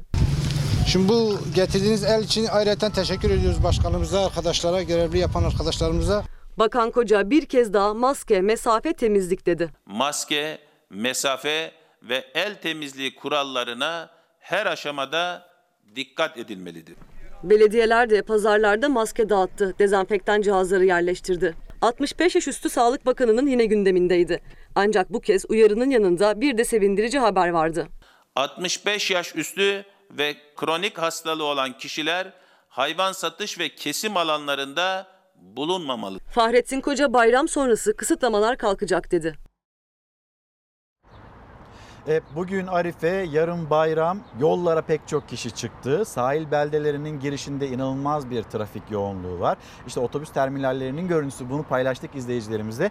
Bir bayram yoğunluğu var, kalabalığı var. Herkes kendi kendisinin polisi olabilir mi, olamaz mı? Bu maalesef hani sahil beldelerine baktığımızda bunu görmüyoruz. Yani sahilde, kumsallarda öyle maskeyle gezen, maskeyle e, işte kendini korumaya çalışan insanların sayısını çok ama çok az görüyoruz. Hem bayram hem sahiller ne yapmamız gerekiyor? Şimdi bireysel önlemler elbette ki önemli. Bireysel olarak biz maske, mesafeye önce maskeye uyacağız. Maskemiz gerektiğinde takacağız. El temizliğimize dikkat edeceğiz. Bu elbette ki e, temel nokta. Ama toplumdaki e, sorumluluğu, toplumun tüm toplumun sorumluluğunu bireylere yüklememiz mümkün değil. Zaten böyle olduğunda e, sonuçları görüyoruz. Bir araya gelişleri engellemek gerekiyor. Eğer bu e, kurallar konmazsa kişilerin kendine bırakılırsa bir yere kadar olabiliyor bu önlemler. Örneğin toplu taşımada da bakanlığın Haziran başında yayınladığı rehberde belli kurallar vardı ama hayata geçtiğinde o kuralların hiçbiri bakanlığın kendi yayınladığı rehberdeki hiçbir kurala uyulmadığını gördük. Eskisi gibi gerek metroyu gerek uçakları eskisi gibi kullanıyoruz. Bu durumda da şimdi biz elbette ki mesafe, maske ve el hijyeni önemli ama bu ortamdaki kalabalığın olmadığı durumlar için daha önemli. Yani siz bir sürü kişiyi bir araya getirdiğinizde, binlerce kişiyi bir araya getirdiğinizde bunlar yetmeyecektir. Bayramlara gelince bayramlar çok güzel bir araya gelmek için hoş vesileler ama e, bu teması da çok artıran bir şey. Sarılmak, el öpmek, e, şimdi az önce görüntülerde gördük tokalaşmak yerine çubukla tokalaşmak gibi bizim hani şu anda hiç istemediğimiz türde temaslar söz konusu. E, el ele tokalaşmak evet uygun değil ama çubukla tokalaşmak da uygun değil. Ya o kurban pazarındaki o görüntü de. evet, Sonuçta yani- biri tutuyor sonra birisi Evet, gelecek bir evet, başka bunu pazarlıkçı tutacak. Olmaz. Yani bunun olmaması gerekiyor. El ele tutuşmamanın karşılığı çubukla tutuşmak değil. Onun da olmaması gerekiyor. Kalabalıkları azaltmamız Pazarlık gerekiyor. yapamazsam daha fazla para öderim endişesi olabilir belki. Belki. O yüzden sallanıyor olabilir mi o sopa? Hoş bir ritüel olabilir, hoş bir gelenek olabilir ama şu dönemde gerçekten düşünün ki biz e, dışarıdaki bir şeye dokunduğunuzda elinizi yıkayın diyoruz. Şimdi bir çubuğa dokunan onlarca insan olacak. Aynı e, çubuğa dokunarak hastalık bulaşabilir. Yani bunu konuşmak bile şu anda garip ama Elden böyle ele. bir durum var. Elden ele e, bulaşacak. Büyüklerimiz mesela kızar mı? Elimi öpmedi benim torun diye. Kızmasınlar lütfen. El öpmek, kucaklaşmak gerçekten şu dönemde en olmaması gereken şeyler. Bir de şunu unutmayalım hastalığın önemli bir kısmı sessiz geçiriliyor. Yani şikayeti olmayan kişilerin de virüsü taşıyabileceğini düşünerek çocuklar, gençler, büyükler herkes için geçerli aynı önlemleri alması gerekiyor. Zaten öksüren, hapşuran hasta olanların toplum içine hiç karışmaması gerekiyor. Hani bunu artık konuşmaya bile gerek yok. Ama sağlıklı olanların da birbiriyle temas ederken en az bir buçuk metre maske artı el temizliğine dikkat etmesi gerekiyor. Dolayısıyla el öpmek bu bayram için çok mümkün olmayacak. Peki sahiller? Gittiniz mi bu arada? Tatile gidebildiniz mi? Tatile gittik. Ee, Ne sahil- gördünüz? Bir şeyin değişmediğini gördüm maalesef İlker Bey. Ee, hani şöyle bir ilginç şey vardı. Şezlonglara hijyen paketi diye bir şey, bir ince tül seriliyor ama bu kesinlikle yeterli olmayan bir şey. Hani bizim yine e, normalleşmeyle beraber yayınlanan e, bir takım dokümanlarda gördüğümüz işte şezlonglar arası şu kadar olacak, masa sandalyeler şöyle dizilecek. Ben bunu gezdiğim yerlerde, gittiğim yerlerde ben buna ilişkin bir uygulama görmedim. Ama bu sadece tatil yerleri için değil. Ankara'da da bu uygulamaların yürütülmediğini görüyorum. Çok az sayıda yerde sandalye, masa sandalye düzenine dikkat ediliyor. E, bu eğer bunlara dikkat etmezsek bu hastalıkla başımız daha çok derde girecek. Yani uzayacak bu süreç. Dikkat etmediğimiz sürece uzuyor. Bir ikinci dalga endişesi var mı sizde de? Ee, Biz Türkiye'de henüz birinci dalgayı bitirmediğimiz için henüz ikinci dalgayı konuş- Daha oraya konuşmuyoruz. İnşallah geçmeyiz. Umarız geçmeyiz ama e, sonbaharla birlikte grip yani influenza sezonu başlayacak. Bununla ilgili Türk Tabipleri Birliği'nin de yürüttüğü bir çalışma var. Ee, geçtiğimiz günlerde özet olarak da yayınlandı yapılan toplantıların sonuçları. Ee, griple birlikte Covid'in kişileri daha çok etkileyeceği ve daha ağır seyredeceğine ilişkin maalesef bilgiler var. Dolayısıyla bizim gripten korunmaya çalışmamız lazım. Gripten korunmanın yolu aşılama. Her yıl söylediğimiz gibi. Ama bu yıl daha çok önem kazanıyor. Çünkü sadece risk grubunda olan işte yaşlılarımızı, büyüklerimizi ve hastalığı olanları değil, tüm toplumu aşılamak gerekiyor. Tüm toplumu aşılamak için aşı bulundurmak gerekiyor. Geçtiğimiz yıl anımsarsınız belki grip aşısına ulaşmak çok zor oldu. Ben kendi yakınlarım için Aralık ayı başında aşı bulabildim ancak. Çünkü Türkiye'ye aşı çok geç geldi. Geçtiğimiz yılın e, deneyimlerinden yola çıkarsak bu yıl aşı teminiyle ilgili güçlük yaşayacağımızı düşünüyoruz. Mutlaka o zaman grip aşısının yaptırılması gerektiğini Grip mi aşısının söylüyorsunuz? mutlaka yaptırılması gerekiyor. Sağlık çalışanlarına ve toplumdaki tüm bireylere bunun için de aşının temin edilmesi gerekiyor. Buna ilişkin bakanlığın e, hazırlıklarımız yürütülüyor açıklaması var. Bakan Bey'in demecinde de e, aşı ile ilgili sorun yaşanmayacak dendi. Ama şimdi Ağustos ayına gelmiş bulunuyoruz. Bu aşıların Eylül ayında yapılmaya başlanması gerekiyor. E, nasıl bir mekanizma kuruldu? Buna ilişkin bir bilgimiz henüz yok maalesef. Ama grip şu anda bizim e, Covid'den korunmak için de önemli bir aracı grip aşısı Covid'den korunmak için de önemli. Çünkü bilimsel çalışmalar göstermiş ki Güney Yarımküre'de biliyorsunuz grip sezonu bitti. Evet. Grip mevsimi bitti. Covid ile birlikte yaşandı. Orada gösterilmiş ki grip aşısı olursanız Covid'i de daha kolay atlatıyorsunuz. Bunun bir takım bilimsel gerekçeleri var, açıklamaları var. Ama sonuçta toplumdaki bir bireyin bilmesi gereken şey şu. Ben gripten korunmak için grip aşısı olmalıyım. Ne güzel ki grip aşısı olduğumda Covid'den de korunma olasılığım var bilgisiyle aşıyı talep etmeli, istemeli. Sağlık Bakanlığı da ücretsiz bir şekilde tüm topluma grip aşısını temin etmeli ve bir yaptırma mekanizması kurmalı. Yani çok kolay değil e, bu kadar kişi aşılamak. Buna ilişkin de bir mekanizma kurulmalı. Şimdi izleyicilerimiz de soruyor peki o zaman Covid aşısı? Covid aşısı henüz uzakta. Yani bugünden yarına gelişecek bir Covid aşısı yok. Bakan Bey'in dünkü demecinde de Ocak, Şubat gibi e, aylar... Çünkü 4 ay ile 6 ay arasında bir takvim verildi. Evet. Bilim Kurulu toplantısından sonra Sağlık Bakanı tarafından. Evet. Mümkün mü? Yani şimdi e, Mart'ta, Şubat'ta e, Dünya Sağlık Örgütü Başkanı açıkladığında 18 ay, 12-18 ay demişti ortalama. Herkese çok uzak gelmişti. Yok canım o zamana kadar kalmaz aşı üretilir diye. Tabii ki aşı çalışmaları devam ediyor. Ama bir aşının toplumla yaygın olarak uygulanması için geçecek sürenin 12-18 aydan daha kısa olması zaten mümkün değildi. Şimdi biz hani Şubat'ta bir aşımız olursa eğer 12 ayda aşı elde etmiş olacağız. Ama bu aşının elde edilmesi demek toplumlara yaygın, toplumdaki tüm bireylere yaygın olarak uygulanması demek değil. Bu daha da çok zaman alacak. Yani şunu söylemeye çalışıyorum. Aşı geliştirilecek. Önce maalesef aşıyı geliştiren gelişmiş ülkeler aşıyı kullanacaklar. Ondan sonra e, aşı diğer ülkelere dağıtılacak diye umuyoruz. Bunun önüne geçmek için Dünya Sağlık Örgütü de bir takım çalışmalar yürütüyor. Dünyadaki tüm ülkelerin eşit zamanda ulaşabilmesi için bir, bir takım girişimler var. Bu çerçevede aşı ulaşacak olsa bile herhalde ilkbahardan önce çok mümkün değil. Ahmet Bey diyor ki, e, Hatice Hanım'ın da bu arada sorusunu yanıtlamış olalım. Test kitleriyle ilgili bir endişesi var mı hocamın diyor. Güvenilirliğiyle ilgili. Evet, testlerle ilgili şimdi geçtiğimiz hafta içinde e, Sağlık Bakanlığı'nda çok üst düzey bürokratlardan e, görevden alınanlar, istifa edenler oldu çok kısa süre içinde. Bunu dışarıdan anlamak çok zor. Yani bir salgının ortasındayız ve e, salgına baştan beri e, destek veren, salgını yönetmeye çalışan gruptan çok üst düzeyde istifalar var. Gerekçesini bilmiyorum. Bakanlık açıkladıysa da benim e, haberim yok. Ama burada teste ilişkin bir takım sıkıntılar dile getiriliyor baştan e, salgının başından beri.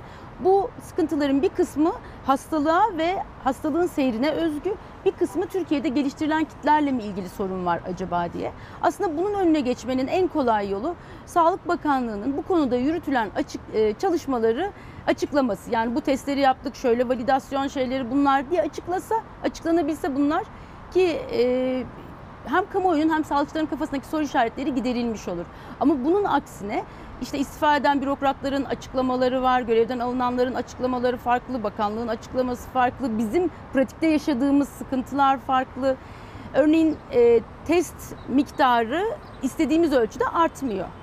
Yani mesela biz temaslılara Türkiye'de test yapmıyoruz. Diyelim ben Covid oldum. Benim ailemdeki, yani benim eşime test yapılmıyor temaslı takibi çerçevesinde. Hani bu salgın yönetiminde çok kabul edilebilir bir şey değil. Sadece e, ikinci... Yani test yapılmıyor ama peki mesela eşiniz karantinaya alınıyor mu? Hayır. Ya şimdi şöyle, siz eğer e, hasta kişiyi hasta kişiyi buldunuz. Daha doğrusu hasta kişi başvurdu. Testi pozitif çıktı. Ondan sonra izlenecek yol temaslıların takibi olmalı. Evet, filyasyon. Ama burada e, ona ilişkin mekanizma gittikçe daha aksıyor. Pratikten de göreceksiniz. Örneğin e, öyle şeyler duyuyoruz ki pozitif olan bir kişi çalışmaya devam edebiliyor mesela. Onun mesela pozitif olan bir kişinin yakını, sağlık çalışanı ona test yapılmıyor. Sen 14 gün evde otur deniyor sağlık çalışanı olan kişiye. Sonra işe dönerken de test yapılmıyor. Yani bir test sayısını Yani geçirdi mi, geçirmedi mi, pozitifti, negatife döndü Evet. mü bunun testi yapılmıyor. temaslı takip açısından yapılmıyor. Sadece geçtiğimiz günlerde riskli kişilere yapın diye bir bilgi geldi Sağlık Bakanlığı'ndan. Yani riskli kişi kim? 60 yaşın üzerindeyse, altta yatan hastalığı varsa bu çerçevede siz temaslı takibinde test yapın dendi. Ama bunu da pratikte işle, ne kadar işlediği konusunda soru işaretleri var. Çünkü test sayısı da artmıyor. Yani teması takibi yapılıyor olsa test sayısının artması lazım. Hani 40 bin, 45 binlerde test sayıları. Dolayısıyla bizim testle ilgili hem çalışmasına ilişkin giderilmesi gereken soru işaretleri olduğunu anlıyoruz Sağlık Bakanlığı'ndaki süreçten de. İkincisi istediğimiz ölçüde test yapamıyoruz. Ee, dünyada pozitif vaka başına test yapan test sayısı sıralandığında Türkiye çok gerilerde. Yani bir pozitif hasta için siz kaç test yapıyorsunuz? Türkiye'de bu sayı 20'lerde. Başka ülkelerde yüzlerde olanlar var, binlerde olanlar var. Pozitif hasta saptandıktan sonra test yapmanın ne önemi var? İşte o kişileri saptadığınızda toplumdan ayıracaksınız ki salgını kontrol altına alabilin. Biz şimdi bunu yapamadığımız için olguların da hızla arttığını düşünüyoruz. Ee, Nuray Hanım yazmış, e, doktor hanıma sorum şu, sağlık personeliyim, tomografi çekilmedi, öksürük vardı, bronşit hastasıyım, akciğer filmi ve PCR testi normal çıktı, temaslı olduğum için 5 günlük COVID ilacı kullandım. Şu an karantinadayım, negatifse ilaç niye verildi? Evet, e, şimdi... Koruma amaçlı mı? koruma amaçlı yani hidroksiklorokinin koruma amaçlı kullanımı e, dünyada söz konusu değil. Yani hastalığın tedavisi için kullanılabilir mi diye soru işaretleri olabilir ama koruma amaçlı hidroksiklorokin kullanımı dünyada e, olmayan bir uygulama. Sağlık Bakanlığı'nın rehberinde yüksek riskli sağlık çalışanlarına koruma amaçlı verilebilir diye bir not var ama bu yaygınlık kazanmadı. Çünkü etkinliği soru işareti, tedavide bile etkinliği soru işareti olan bir ilacı koruma için kullanmak zaten çok makul görünmüyor. Dolayısıyla e, Nuray Hanım'a hani verilme gerekçesini ben de çok anlayamadım. Ee, bir kere hani temaslı takip... Yani bu süreçte anlayamadığınız pek çok konudan Çok şey bir var. tanesi mi bu? Tabii temaslı takibinde mesela niye akciğer filmi ya da tomografi yoluna gidilsin? Temaslı takibi diyoruz çünkü. Evet. Anlaşılması zor birçok nokta var. Ee, buradaki biraz şöyle karışıklıklar var. Sağlık Bakanlığı'nın dokümanları e, birbirini tutmayabiliyor. Web sayfasına giren herkes bunu çok rahatlıkla görebilir. Bir dokümanda yazan bir algoritma diğer dokümanda daha farklı olabiliyor. Dolayısıyla hani bir doktor ben buna göre yaptım dediğinde diğer doktorun e, farklı e, yaptığını gördüğünde o da buna göre yaptım diyor. Bu pratikte yaşadığımız bir sıkıntı. Diğer bir sıkıntı da Sağlık Bakanlığı'nın güncellenen dokümanlarında maalesef ki e, bir hani versiyon numarası gibi bir şey yok. Yani bir önceki e, doküman ortadan kayboluyor. Bir PDF halinde link. Dolayısıyla mesela Nuray Hanım'a diyelim e, tedavi verilmesinin nedeni koruma amaçlı tedavi verilmesini istiyordu. 15 Haziran'da Sağlık Bakanlığı diyelim. Evet. Ama 15 Temmuz'da bu değiştiyse doktor gidip 15 Haziran'da bu böyle yazıyordu diye bakmaya kalktığında o dokümanı bulamıyor mesela. Çünkü sürekli üzerine kaydediliyor ve bir versiyon numarası verilmeden gibi. O nedenle hani oradaki şeyi bilemedim. Şu anda e, farklı bir uygulama var mı Sağlık Bakanlığı rehberlerinde bilmiyorum. Akif Bey diyor ki kan grubu ve COVID bağlantısı. Mesela A grubu daha böyle fazla mı açık bu virüse, sıfır grubu daha mı korunaklı? Var mıdır böyle bir bağlantı? Bu konuda çok çalışma yürütülüyor. Her zaman kan gruplarıyla enfeksiyon hastalıkları arasında bir ilişki bulunmaya hep çalışılmıştır. Net ortaya konmuş bir bilgi yok. Çok farklı kan gruplarının kimisinde o kimi çalışmada o şu kan grubu koruyucu çıkıyor, öbüründe diğeri çıkıyor. Şu anda bizim e, e, kullanabileceğimiz klinik bilgi düzeyinde bir netlik olmadığını söyleyebilirim. Tekrardan acaba sokağa çıkma yasağı ilan edilirse biz eğer bir e, kontrolsüzlük varsa bunu kontrol altına alabilir miyiz diye soruluyor. Siz Soka- savunuyor musunuz sokağa çıkma yasağını? Ee, şimdi biz e, sokağa çıkma yasağını savunmuyorum. Sokağa çıkma yasağı olduğu dönemi hatırlayalım. e, Ramazan bayramı döneminde. E, fabrikaların çoğu çalışıyordu. E, fabrikalara giden işçiler e, servislerle gidiyorlardı. Hiçbir fiziksel mesafeye uyulmaksızın. Çalışma koşulları da benzerdi. Dolayısıyla hani e, sosyal hareketliliğin, toplumsal hareketliliğin kısıtlanması önemli ama bu kısıtlamayı yaparken hani parka gitmeyin denmişti. Hani parka gitmeyin ama fabrikalarda çalışılsın, servislere bilinsin ama alışveriş merkezlerine gidilmesin gibi birbiriyle çok da tutarlı olmayan bir yaklaşım söz konusuydu. Biz toplumsal hareketliliğin sınırlandırılmasının salgının yönetiminde önemli olduğunu düşünüyoruz. Ama bu sokağa çıkma yasağı uygulayalım ve e, bir taraftan aslında toplumdaki görünmeyen taraf e, çalışmaya devam etsin ama görünen e, yüzde yani toplumun birbirini gördüğü yüzde sanki bir sınırlama varmış gibi görünülsün. Bu çözüm değil. Bunun çözüm olmadığını zaten 1 Haziran'dan sonraki süreçte görmüş olduk. Sonuçta önlemler e, geniş çerçevede alınmalı ama önlem alırken de kişilerin mesela sokağa çıkma yasağı uygulanacaksa eğer ya da uygulandığı dönemde keşke kişilerin evine ek, nasıl ekmek götüreceği de düşünülse. Yani siz e, bir kişiye bir buçuk ay evde otur dediğiniz durumda evine nasıl ekmek götüreceğini de düşünmüyor olması gerekirdi. Bunun da planlanması Bunun da gerekiyor planlanması idi. gerekirdi. Yani bunun içinde bir sosyal devlet e, modeli olması gerekir. Öyle uygulanacağını umuyorum bundan sonra. Hocam şimdi 65 yaş çok soru var. Ee, biz eski normale asla dönemeyeceğiz diyen Dünya Sağlık Örgütü Başkanı açıklamaları var. Ben sizi bir 10 dakikacık geciktirebilir miyim? Bir reklamlara gideyim zorunlu. Hemen reklamlara gidelim dönelim. Hem bu sorulara bakalım hem de okulları konuşmamız lazım. Okullar nasıl açacak? Çocuğunuzu gönderecek, gönderecek misiniz? Daha önce sordum göndereceğim dediniz. Şimdi standartlar ortaya çıkıyor. Bunu da lütfen konuşalım. Bir mola hızlıca döneceğiz. Efendim devam ediyoruz. Doktor Özlem Kurt Azap'la birlikte hani ne oluyor, nasıl e, davranmamız gerekiyor bu süreç içinde ve sizlerden gelen sorular var. Mesela o sorulardan bir tanesi şimdi aşı dediniz. Belli gruplara mı herkese mi yapılmalı sorulardan bir tanesi bu. E şimdi mesela benim testim temiz çıktı ben büyüklerimin yanına gidebilir miyim diye soran izleyicilerimiz var.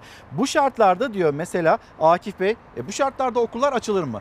Şimdi bu soruyu soracağım size ama okulların açılmasıyla ilgili bir hazırlık var. Haberimizi paylaşalım öyle dönelim bu soruya.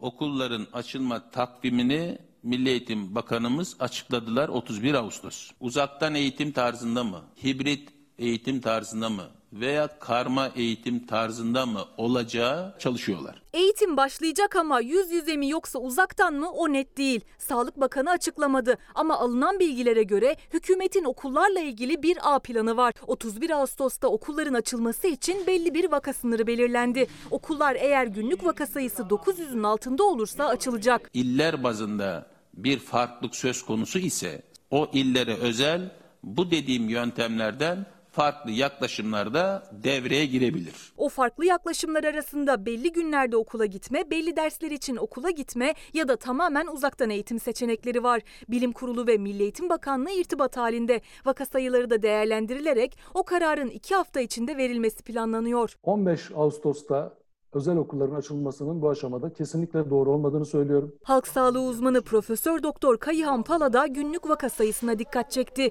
Yüz yüze telafi eğitimi için özel okullarda 15 Ağustos'ta, devlet okullarında ise 31 Ağustos'ta çalacak ders dilinin çok erken olduğu konusunda uyardı. Pala'ya göre okulların açılması durumunda vaka sayısı yeniden artışa geçecek. Olgu sayılarında ciddi bir azalma olmaksızın bir de bunun üstüne okulları açacak olursak o çocuklar bu hastalığı hem kendileri geçirme hem de bir başkasına taşıma, yayma açısından risk oluşturacaklardır. Türkiye salgını kontrol altına aldıktan sonra 1 Haziran'dan itibaren normalleşme adımlarını attı. Ancak hala günlük vaka sayıları bin civarında seyrediyor.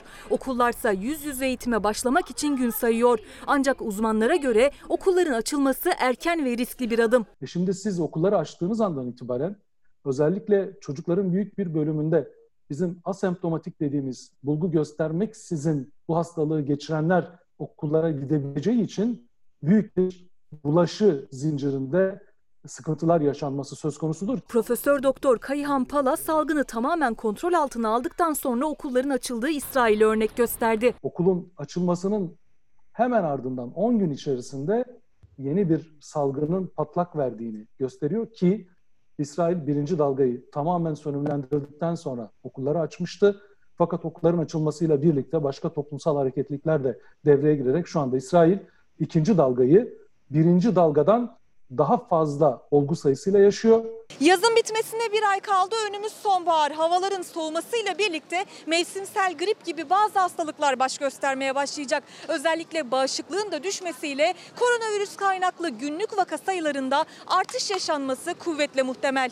Tabii bir de okulların açılmasıyla birlikte artan temasla virüsün yayılma hızının da artacağını düşünürsek Türkiye'nin koronavirüs tablosu gün geçtikçe kötüye gidebilir. Bu da entübe, yoğun bakım ve hayatını kaybeden hasta sayısında artış anlamına geliyor. Bu koşullarda her şeyden önce salgının kontrol altına alındığından emin olmakta büyük yarar var. Toplumun tamamının mevsimsel gribe karşı aşılanmasını da gerçekleştirdikten ve salgını kontrol altına aldıktan sonra bir okul açılma programını tartışmalıyız.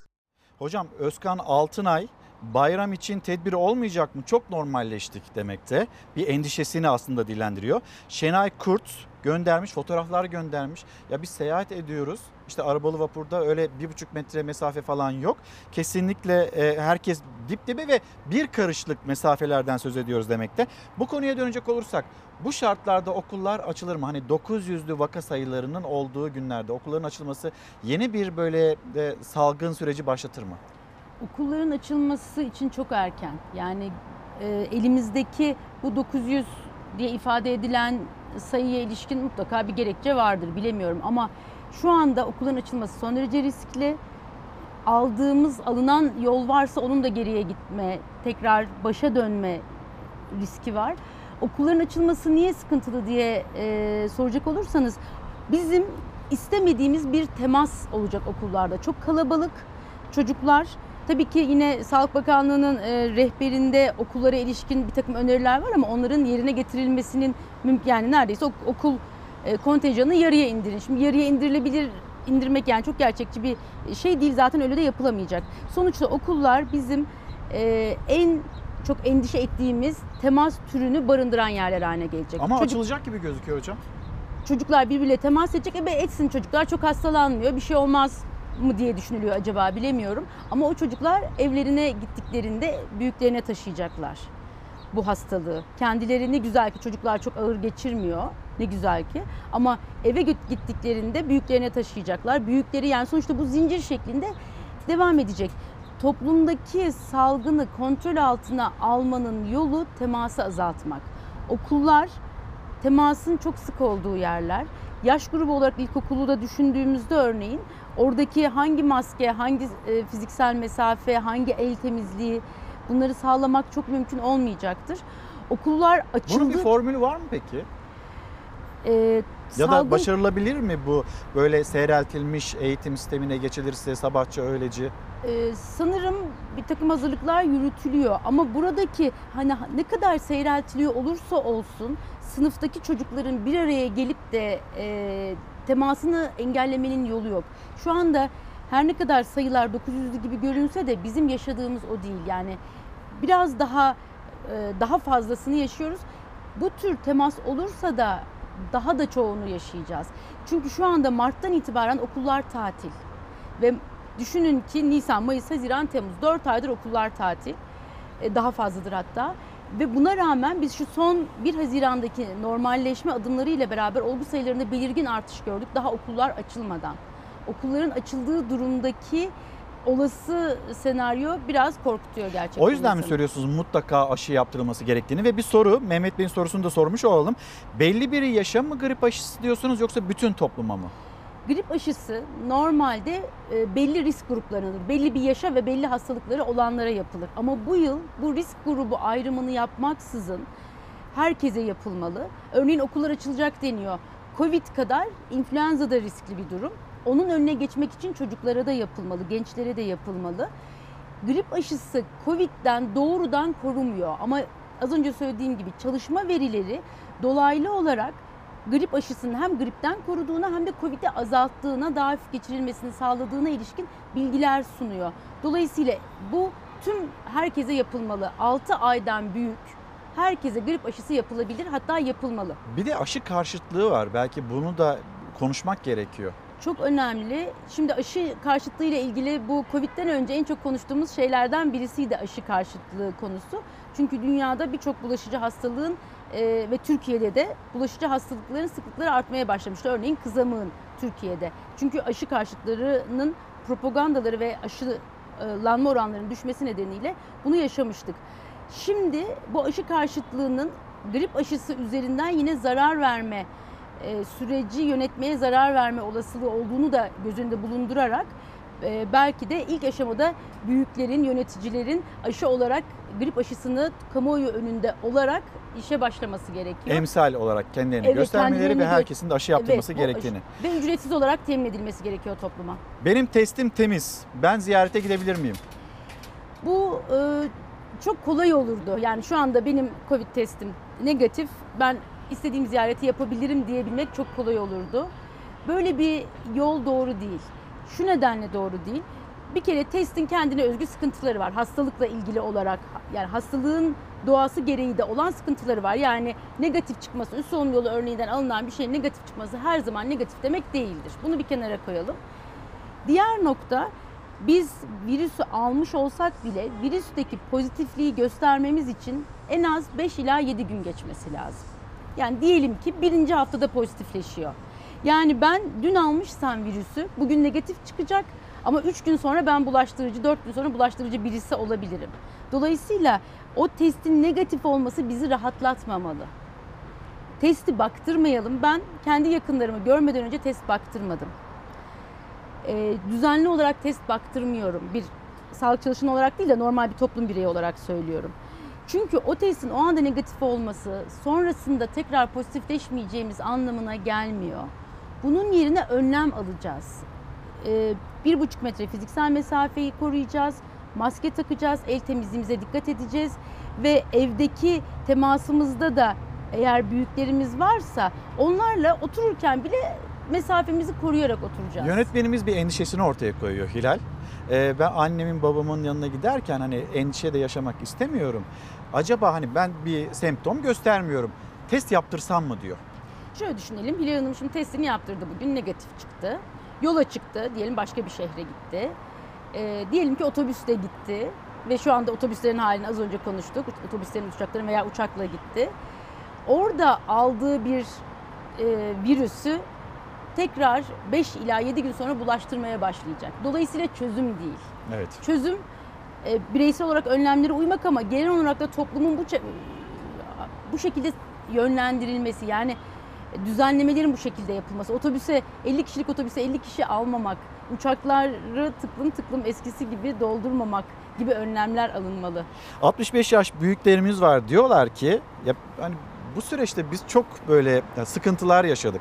Bayramdan sonra onlarla ilgili olumlu gelişmeler olacağı, bu kısıtlamaların kalkacağı söyleniyor. Onlar bu süreci nasıl geçirdi? Doğru yaptık mı 65 yaşla ilgili yani? Ee, sadece 65 yaş üzerine eve hapsederek hayır doğru yapmadık. Yani bu biz elbette ki Mart'taki e, salgının başlangıcından itibaren risk grubundaki büyüklerimizi evde tutmak ve çocukları okula göndermemek makul bir şeydi. Ama süreç uzadıkça gerçekten 65 yaş üzeri için farklı sorunlar ortaya çıkmaya başladı. Bir kere hareket sorunları nedeniyle ciddi e, sorunlar ortaya çıktı ruhsal olarak ciddi sorunlar ortaya çıktı. Doktora neredeyse gidemedikleri için takipleri yapılamadı. Dolayısıyla hani sürecin bütün yükünü 65 yaş üzerine yüklemiş gibi olduk. Bunu e, yapmak doğru değildi. Çok da zaten aslında sistem de ediyorlar haklı olarak. Buradaki e, mekanizmayı yine büyüklerimizi korumaya yönelik olarak kurmak mümkün ama bu sokağa çıkmayı yasaklayarak olmamalı. Eskisi gibi olabilecek miyiz hocam? Burada hep 1 Haziran'dan itibaren kullanılan normalleşme, yeni normal Ha, gibi deseniz ki zaten eskisi gibiyiz. evet maalesef bazı yerlerde Ya öyleyiz. bir yönden öyle doğru çok doğru bir saptama hakikaten.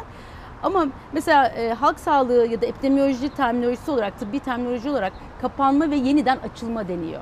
Yani biz aslında bir normalleşmeden çok kapanan aktivitelerin, etkinliklerin yeniden açılmasından söz ediyoruz. Dolayısıyla o kafa karıştıran normal ifadesi ne çok kullanmamaya çalışıyoruz.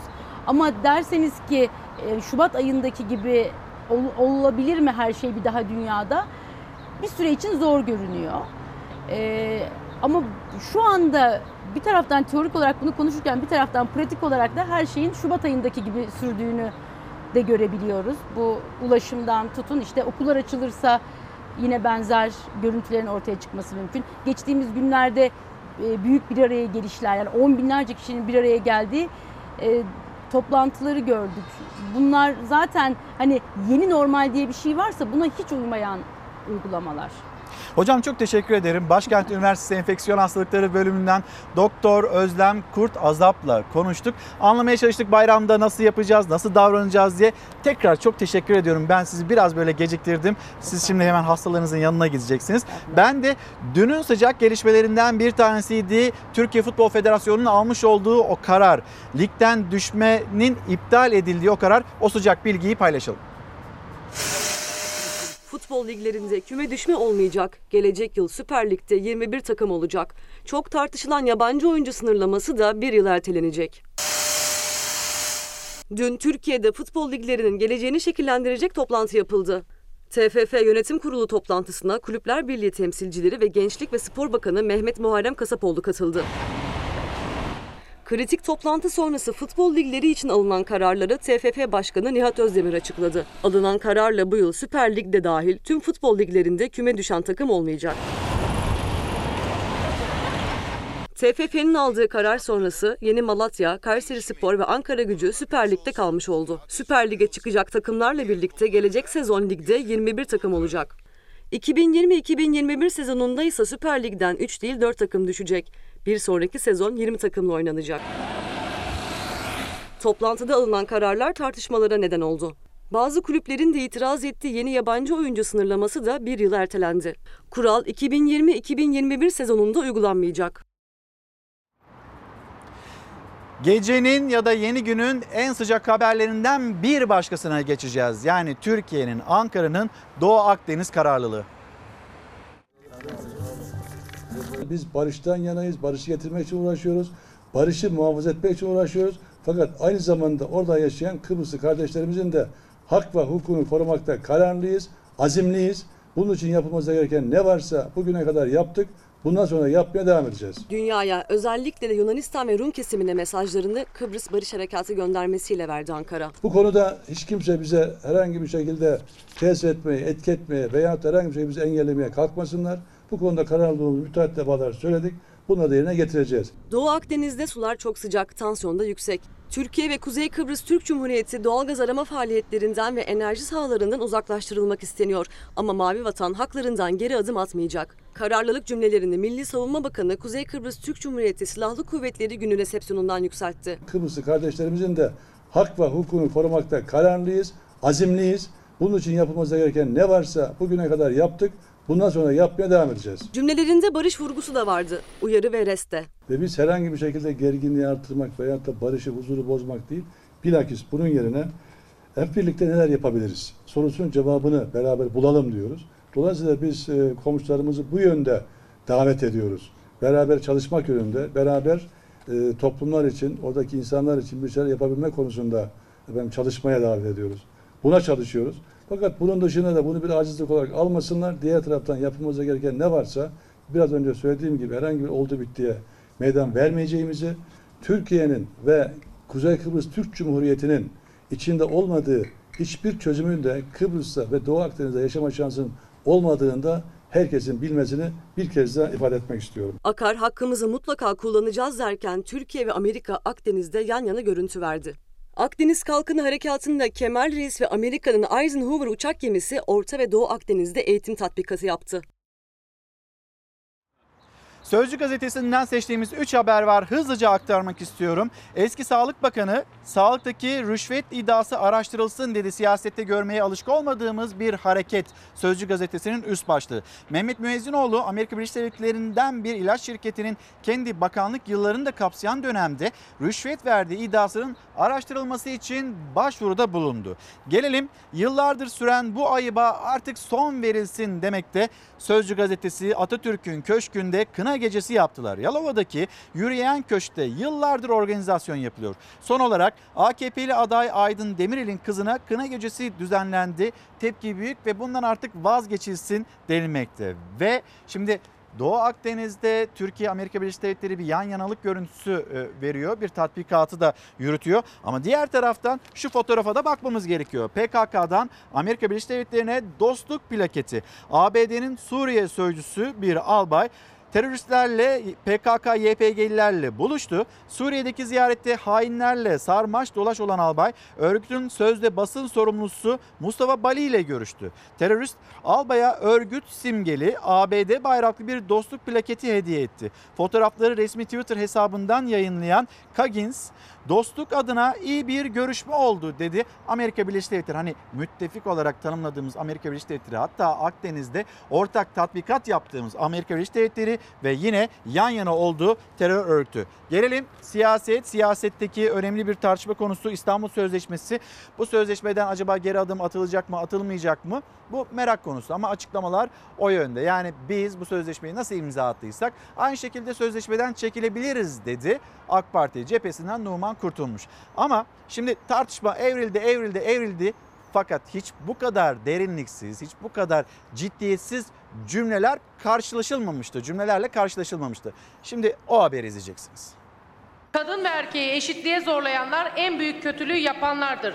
Tavuğa horozluk yaptıramazsın sözleriyle kadınlara hakaret etmiş, açıkça ayrımcılık suçu işlemiştir. Kadınlara ben hiçbir zaman hakaret etmedim. Ne usulüm ne uslubum öyledir. Kadınlara hakaret eden birinin milletvekili olabildiği bir ülkede bir tavuk aslan kesilebilir, bir kadın ise dünyanın en karakterli insanı olabilir. Adamlık cinsiyet meselesi değil, şahsiyet meselesidir. Herkese de nasip olmaz. Kadınları şiddetten korumayı taahhüt eden Türkiye'nin de imzaladığı İstanbul Sözleşmesi'nden çekilip çekilmeme tartışmaları yapılırken AK Parti milletvekili Ahmet Hamdi Çamlı önce sosyal medyadan kadın erkek eşitliği koca bir tantanadır dedi. Sonra düşüncelerini Hürriyet gazetesine verdiği röportajda tavuk horoz benzetmesiyle sürdürdü. Meclis karıştı. Kadın ve erkeği eşitliğe zorlayanlar en büyük kötülüğü yapanlardır. Tavuğa horozluk yaptıramazsın. Horoza tavukluk yaptırırken yumurta çıkmaz. Böyle bir milletvekiliyle aynı mecliste olmaktan öncelikle utanıyorum. Ve diyorum ki Ahmet Hamdi nasıl geliz olduysa tavuk da horoz olabilir. Gerçekten Burcu Hanım'la eşit değiliz. Sosyal medyadaki çöplükten faydalanmayı tercih ediyor kendisi. Kadınla erkeği eşitlemeye çalışanlar en büyük zararı veriyor. Tavuklara zorla horozluk yaptıramazsınız diyebilen bir vekil dünyanın hiçbir yerinde yok. Eski erkek arkadaşı tarafından bir varile tıkılan ve gömülen herkesin şoka girdiği bir yerde 33 saat boyunca tek kelime etme gereği duymayan bir cumhurbaşkanı dünyanın hiçbir yerinde yok sadece burada var. Kadınla ilgili sorunları erkekler konuşuyorsa burada da bir sorun var demektir. Kadın cinayetleri artarken Türkiye İstanbul Sözleşmesi'nden çıkacak mı? Siyasetin en sıcak tartışması. AK Partili Ahmet Hamdi Çamlı İstanbul Sözleşmesi çözüm olmadı. Şimdi masaya yatırıldı. Gereken yapılacak dedi. Ama kadın erkek eşitliği konusunda kurduğu cümlelere CHP'li Burcu Köksal'dan sert itiraz geldi. Kadınlara hakaret eden birinin milletvekili olabildiği bir ülkede bir tavuk aslan kesilebilir, bir kadın ise dünyanın en karakterli insanı olabilir. Adamlık cinsiyet meselesi değil, şahsiyet meselesidir. Herkese de nasip olmaz. Fatma Hanım'ın performansını bütün milletvekili arkadaşlarımız çok iyi biliyor. Onu takdir edecektir. Burcu Hanım, Burcu Hanım özür diliyorum. Burcu Hanım önemli değil. Gerçekten beni anlamamış. Bu akşam çok önemli bir çalışma yapıyoruz Fatma Hanım. Bir daha çöp Biraz önce konuşan milletvekili Yeliz olarak mı konuşuyor, Ahmet Hamdi Çamlı olarak mı konuşuyor? Onlar biliyorsunuz bana çamuriyetçilerin atmaya çalıştığı çamurlar hiç aslı astarı yok. E ne kadar anlatsam az. Yapacağım bir şey yok. Eğer samimiyseniz gelirsiniz bir çay ısmarlarsınız ben de ısmarlarım. Size tek tek bunları izah ederim ve gerçek sahih bilgiye ulaşmış olursunuz. Kadınlara ben hiçbir zaman hakaret etmedim. Ne usulüm ne uslubum öyledir. Ahmet Hamdi Çamlı kadınlara hakaret etmedim dedi ama CHP'li vekili ikna edemedi. İstanbul Sözleşmesi'nden çekilip çekilmeme iktidarla muhalefeti yine karşı karşıya getirdi. Bir konuyla ilgili aynı düşünmeyebilirsiniz, farklı düşünebilirsiniz. İstanbul Sözleşmesi çok önemli bir konu. Kadınları şiddetten korunması amaçlanan bir sözleşme. Şimdi bunun artılarını, eksilerini değerlendirebilirsiniz. Farklı farklı dünya görüşleri üzerinden ama tavuğa horozluk yaptıramazsınız gibi böyle siyaset içinde çok da derinliği olmayan, bilgi birikimine sahip mi değil mi? Hani siyaset, siyasetçiler bu konuya dair İstanbul Sözleşmesi'ne dair cümleler sarf eden e, siyasetçiler. Ama bir derinliği olması lazım. Bir bilgi birikimi olması lazım. Bu konuyla ilgili bir şey söyleyebiliyor olmanız lazım. Yani popüler cümlelerle ya da sosyal medyada dikkat çekecek cümlelerle konuya daldığınızda başka başka kırgınlıklar yaratırsınız. İşte görüyorsunuz Burcu Köksal, Burcu Köksal kadınlar adına çıkıyor orada. Ya ben bunu kabul etmiyorum diğer ne kadar sayın milletvekili önce Fatma Hanım diyor sonra Burcu Hanım diye düzeltiyor da olsa. Şimdi burada bir problem var. Bunu konuşması gerekiyor siyasetin. Ama toptan reddedeyim, toptan kabul etmeyeyim, işte tavuğa işte horozluk yaptıramazsınız gibi cinsiyetçi bir bakış açısıyla yaklaştığınızda herkes ama herkesi kırıyorsunuz. Siyasetin içinde böyle bir tavrın bir kere olmaması gerekiyor. Şimdi siyasetin konuştuğu, farklı farklı pencerelerden konuştuğu bir başka konu ekonomi. Ekonomi denildiğinde muhalefet işsizliği hatırlatıyor hayat pahalılığını hatırlatıyor, enflasyonu hatırlatıyor ve yine yaşanılan problemleri hatırlatıyor. Enflasyonun kepenk indirdiğini hatırlatıyor ya da siftahsız dükkanını kapattığını hatırlatıyor. Diğer tarafta hay maşallah cümleleri kuruluyor ya da Türkiye iş açmak için en ideal ülkelerden birisi cümleleri. Şimdi iki tarafın farklı farklı değerlendirmesi. Türkiye yanıp tutuşuyor. Ekonomik yönden dolar almış başını gidiyor. Euro almış başını gidiyor. İnsanlarımız fakr zaruret altında eziliyorlar. Bayram gelmiş neyime derler ya. Babaların elleri boş. Anneler bayram sofrası kurmak istiyor ama mutfaklar boş. Muhalefet bayram arifesinde döviz ve altındaki tırmanışa dikkat çekip işsizlikten, yoksulluktan, kapanan iş yerlerinden dem vurdu. Ekonominin dümenindeki isim Berat Albayraksa iş yeri açmak isteyenler için Türkiye'nin bir cazibe merkezi haline geldiğini rakamlarla duyurdu. 2017'de iş yapma kolaylığı endeksinde Türkiye 190 ülke arasında 60. sıradayken bugün 33. sırada. Türkiye yatırımcılar için cazibe merkezi olmaya devam edecek. Bayram ayın birine geliyor diye maaş vermek isteyen işveren işçisinin parasını ödemek için müracaat ettiğinde bankaların tamamı ama tamamı bayram öncesi biz kredi kullandıramıyoruz diye bir e, cevapla karşılaşıyorlar. Ülkemizde bir girişimcinin iş yeri açma süresi pek çok gelişmiş ülkeye göre önemli bir mesafe kat etti. Yerli iş insanları ülkeyi terk ediyor.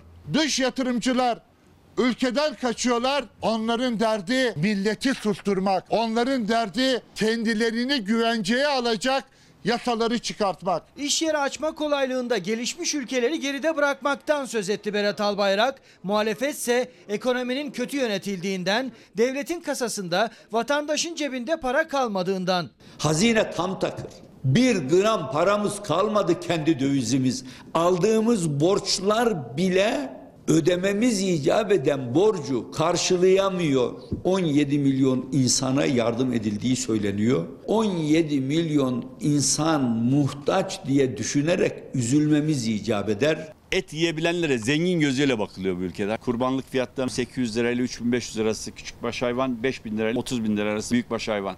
Kesmek mümkün değil. Asgari ücretlinin durumu memur ve emekli maaşlarıyla bu bayram altıncısı verilen emekli ikramiyeleri iktidarla muhalefeti bir kez daha karşı karşıya getirdi. Ey gidi günleri. Memurunun maaşını ödeyemeyen kişiler vardı biliyorsunuz. Bunlar şimdi muhalefette. 2017 yılında emeklilere verdiği o ikramiye ile 4,5 çeyrek altın alıyordu emekli. Bu sene 1,5 çeyrek altın alabiliyor. Fiilen işsiz sayısı en az 8-9 hatta 12-13 milyon belki. Asgari ücret açlık sınırının altında kalmışsa iktidar ekonominin bu gidişatını engelleyemediği, değiştiremediği için suni gündemlerin peşinde.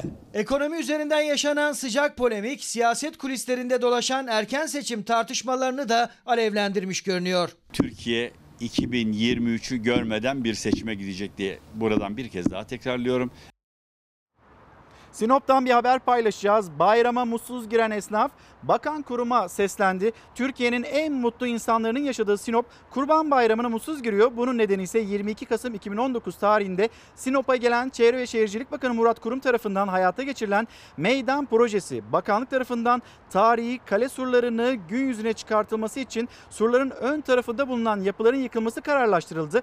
Yetkililer tarafından proje kapsamında net bir açıklama alamayan cadde esnafı kapı kapının önüne konulma korkusuyla karşı karşıyalar. Bununla ilgili tatmin edici bir açıklama, değerlendirme bekliyorlar. Sinop'un esnafı, Sinoplular bayrama buruk giriyorlar.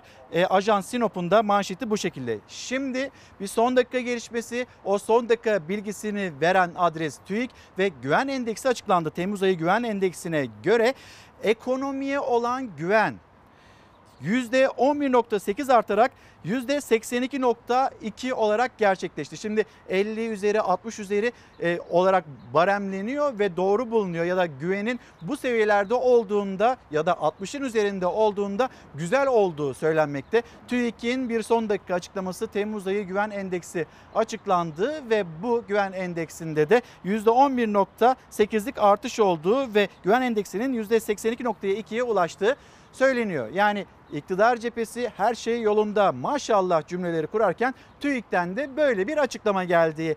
Peki TÜİK'in bu açıklaması vatandaşın ekonomiye olan güveni bu bir tarafa bir de bakalım o zaman çarşı pazara vatandaş o zaman bu kadar güvendiği ekonomi içinde alışveriş yapabiliyor mu? Ay çok pahalı yavrum. Bu bayramı ha görüyorsun. Bomboş. Tezgahda bak kaç kişi, bir kişi yok. Fiyatlar uçmuş. Yani e, alışveriş yapan pek yok. Çok aşırı kalabalık olurdu, alışveriş yapardı insanlar. Malum bu bayram e, pek gelen giden olmayacak, biz de gitmeyeceğiz.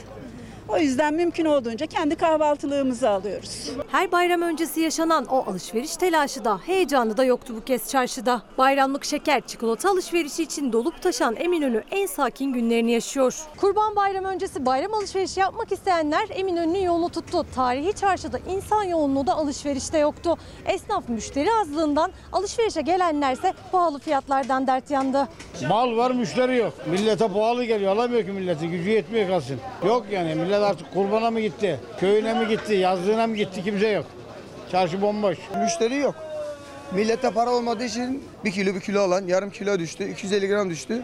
Şu anda 250 değil 100 gramı düştü. Vallahi ateş Her şey pahalısı. Paraya göre alışveriş yaptık, bitirdik. İstediğimi bile alamıyorum. Bak bayram alışverişi, çikolat, e, fındık, fıstık bile alamadım. Ya ne yapalım? Sağlık olsun. Bu bayram sağlık olsun diye bayram ziyaretleri de yapılmayacak. Misafirsiz geçecek olsa da yine de gelenektir deyip az da olsa alışveriş yapanlar var. Şu anda herkesin alabileceği makul fiyatlar lokum. Herkes, herkes bütçesine uygun. 10 liradan çifte kalmış kahve yanında ikramlık. Şeker yerine de vatandaş tercih ediyor fiyatından dolayı. Geçen sene oranla da fiyatlarımızda 10 TL'lik bir artış oldu. E, Fıstıklı baklavamızın kilosu 70 TL, cevizli baklavamızın kilosu 54 TL. Geçen sene tepsi tepsi satışlarımız oluyordu. Bu sene yarım kilo, bir kilo şeklinde kutularda yapıyoruz. Fındık fısıksız sade bir baklava tatlı yapıp yiyeceğiz. Ceviz aldık, koruna yediriyoruz. Kendimiz de böyle bakıyoruz. Kahve almaya geldik sadece. Fiyatlar anormal pahalandı. Hiç kesinlikle yani 4 kişilik bir ailenin kendileri için bile böyle lokumdu, pastaydı bunun gibi bir şey alabileceklerini düşünmüyorum. Yani çok pahalı çünkü. Bu koronavirüs gölgesinde geçirilecek ikinci bayram. Esnafın da beklentisi yasaksız geçecek bu bayramda işlerin açılmasıydı. Ancak onların da umdukları gibi olmadı. Çünkü bütçe kısıtlı, fiyatlar yüksek. Merkez Bankası Başkanı yıl sonu enflasyon tahminini 1,5 puan artırıp 8,9'a çıkardı. Ama tüketiciye göre çok daha yüksek. Fiyatlara bakıyorum, ortada geziyorum. Daha önceden de biliyorum. Yani sürekli çarşı pazar gezdiğim için. Ama her şeyde %10, 15 arttı. Türkiye Cumhuriyeti'nde ne enflasyon onların açıkladıkları gibi ne başka. Yani mandalı mı hesaplıyorlar artık? Yani hiç fiyatı artmayan bir şey mi? Pazarda gittikleri pazarı bize de söylesinler de biz de gidelim o pazara yani. Emekli memurum ben. %5 zam yapıldı. Enflasyon %10 dedi. Piyasaya bakın %50'nin üstünde her şey. Emeklilerimiz, emeklilerimizle konuşacağız. Emekliler Bayramı mutsuz giriyor. Bir gün gazetesinin ilk sayfasındaki haber. Devrimci İşçi Sendikaları Konfederasyonu Araştırma Merkezi. Emeklilerin ekonomik durumunu kapsamlı bir rapor haline getirdi. Rapora göre emekliler adeta yaşam mücadelesi veriyor. SGK ve hükümet temsilcilerinin en düşük emekli maaşına ilişkin açıklamaları da manipülasyondan ibaret. Diskar her bayramda emeklilere verilen 1000 liranın son 2 yılda ne kadar eridiğini de inceleyerek paylaştı. Rapora göre eğer son 2 yılda asgari ücreti yapılan zam kadar bayram ikramiyesine zam yapılsaydı bu bayramda emeklilere 1448 lira verilecekti. tüm emeklilerin cebinden 11.6 milyar lira alındığı açıklandı. Emekliler bayrama mutsuz giriyor. Bir gün gazetesinin ilk sayfasındaki haber ve gelelim hani eriyen bir başka kalem. Yani Gidiyorsunuz altın almak istiyorsunuz. Altının zaman içinde ve son günlerde nasıl büyük rekorlar kırdığını görüyorsunuz. Sadece Türkiye için değil. Bu aslında bütün dünya için geçerli ama Türkiye'de de asgari ücret, asgari ücretle geçim ne kadar zor ve eskiden ne kadar alınabiliyordu bir asgari ücretle çeyrek altın mesela. Şimdi ne kadar alınabiliyor? Çeyrek altının ne kadar olduğunu biliyoruz mu ablacığım? Biz asgari ücretle geçinen insanlarız. Yani 700'ü geçti herhalde. 700'ü geçti. 700'ü geçti. Vallahi olan düşünsün. Bizde zaten yok, zaten yok. Maaşıyla gıda harcamasını zor karşılayan asgari ücretli nasılsa alamayız diyerek altının kırdığı rekorla ilgilenmedi ama o yükseliş aslında asgari ücretlinin alım gücünün de ne kadar düştüğünün bir göstergesi. 2010 yılında çeyrek altın 90 lira, gram altında 57 lira civarındaydı. 2010 yılında net 599 lira alan bir asgari ücretli 6 çeyrek altında 1 gram altın alabiliyordu. 2015 yılında ise çeyrek altın 160 lira civarındaydı ve net 1000 lira alan asgari ücretli 6 çeyrek altın alabiliyordu. 2020 yılında ise çeyrek altın 700 lira civarında seyrediyor ve net 2324 lira alan asgari ücretli 3 çeyrek altın alabiliyor. Ya şu an hiç alamıyoruz işte bu fiyatlarla. İki tane çocuk bakıyoruz. Ne bezlerine e, para yet- yetirebiliyoruz ne mamalarına. 590 liraya o 2010 yılında 6 çeyrek alınıyor. Şimdi kaç tane alınıyor? 3 çeyrek.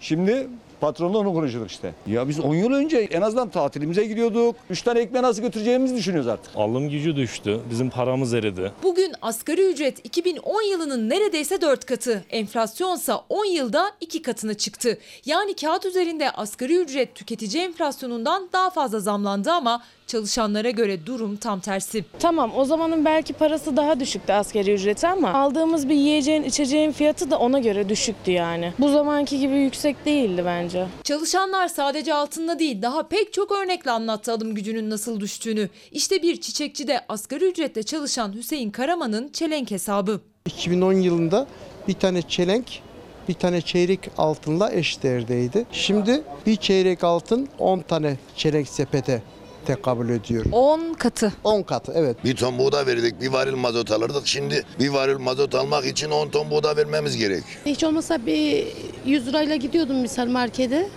Yani 2-3 poşet getiriyordun. Şu anda 100 lirayla biz bir poşet dolduramıyoruz. Yani. İçinde et falan da yok herhalde. Yüz... Yok. imkan yok. o, onu hiç saymıyorum zaten. En basitinden bir pazara çıkın. 10 liranın altında meyve yok. Asgari ücretli altın döviz artışına baktı. Gıda ve kira hesabı yaptı ve geçinebilmek için o da sonunda rekor bir zam istedi. Bu ülkede kira 1500 ise yani asgari ücret 5000'i bulması lazım.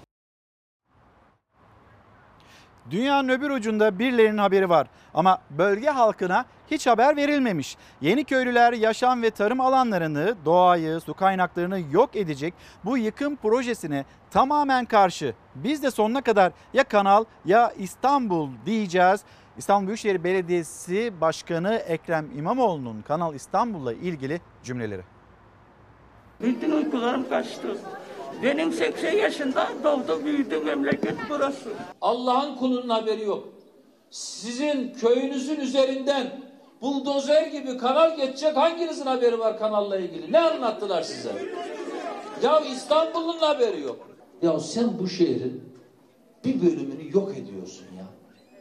Koca bir bölümünü yok ediyorsun kimseye sormadan. Ekrem İmamoğlu imar planından haberi olmayan Kanal İstanbul'a komşu köylerdeydi. Projeye itirazını bir kez daha ama bu kez kanal güzergahından köylülerle birlikte yükseltti. Yurt dışından gelip burada arsa almış binlerce insanın cebine para girmesine sebep olacak. Bizden değil ha. Türkiye Cumhuriyeti vatandaşı değil bunlar. Doğayı yok edecek, katledecek ve İstanbul'a büyük ihanet edecek olan bu projeye bütün Türkiye'nin kulak vermesini, karşı çıkmasını diliyorum, istiyorum ve davet ediyorum. Kanalın çevresi için oluşturulan yeni şehir imar planına itirazlar için son günler. Köylüler ise kamulaştırma sürpriziyle karşılaştı o imar planında. Fox ekranlarından seslerini duyurmaya çalışan Yeniköy, Sazlıbosna, Terkos ve Karaburun sakinleri evlerinden ve tarlalarından olmak istemediklerini bu kez İstanbul Büyükşehir Belediye Başkanı İmamoğlu'na anlattı. Benim yerim eski Şema yerim arsam güzel. Bütün gün dışarıdayım hava alıyorum. Rahatsızım. Ben İstanbul yere gideceğim yaşayamam. Ben karar verdim yapacağım. Yapacağım. Kimin malına ne yapıyorsun kardeşim sen? Kimin malına ne yapıyorsun? Kanal İstanbul güzergahındaki köyleri İstanbul Büyükşehir Belediye Başkanı Ekrem İmamoğlu geziyor. Köylülerin en büyük sorunuysa projeye dair herhangi bir bilgilerinin olmaması. Ekrem İmamoğlu kürsü konuşması yaptı ama bir de işte bu şekilde proje köylüler için ne anlama geliyor görsellerle köyde anlatmaya çalışıyorlar. Ekrem İmamoğlu daha önce siyasi partilerin genel başkanlarıyla görüşmüştü Kanal İstanbul'la ilgili. Ama ilk kez Deva Partisi Genel Başkanı Ali Babacan'la yaptıkları görüşmenin ayrıntısını paylaştı. Eski AK Partili Babacan'ın Kanal İstanbul'la birlikte tartışılan Montreux'e ilişkin sözlerini de köylülerle paylaştı. Benim Dışişleri Bakanlığım döneminde Karadeniz'de Gürcistan-Rusya savaşı olduğu anda eğer Montreux Sözleşmesi olmasaydı biz Karadeniz'deki barışı koruyamazdık dedi. Bunu da Sayın Babacan'dan duydum. Son kişi de olsam sonuna kadar bu işle mücadele edeceğim kardeşim. Ben kararlı bir adamım. İtirazlar içinse yarın son gün Çevre ve Şehircilik Bakanlığı İstanbul İl Müdürlüğü binası önünde de eylem vardı. Ya Kanal ya İstanbul platformu itiraz dilekçelerini verdi. CHP İstanbul İl Başkanı Canan Kaftancıoğlu da dilekçe verenler arasındaydı. Daha hiçbir bilimsel detayla desteklenmeyen Kanal İstanbul'u, Oran projesini, o İstanbul'a ihanet projesini emin olun yaptırmayacağız. İstanbul'dan Antalya'ya geçeceğiz. Akıl almaz bir olay için.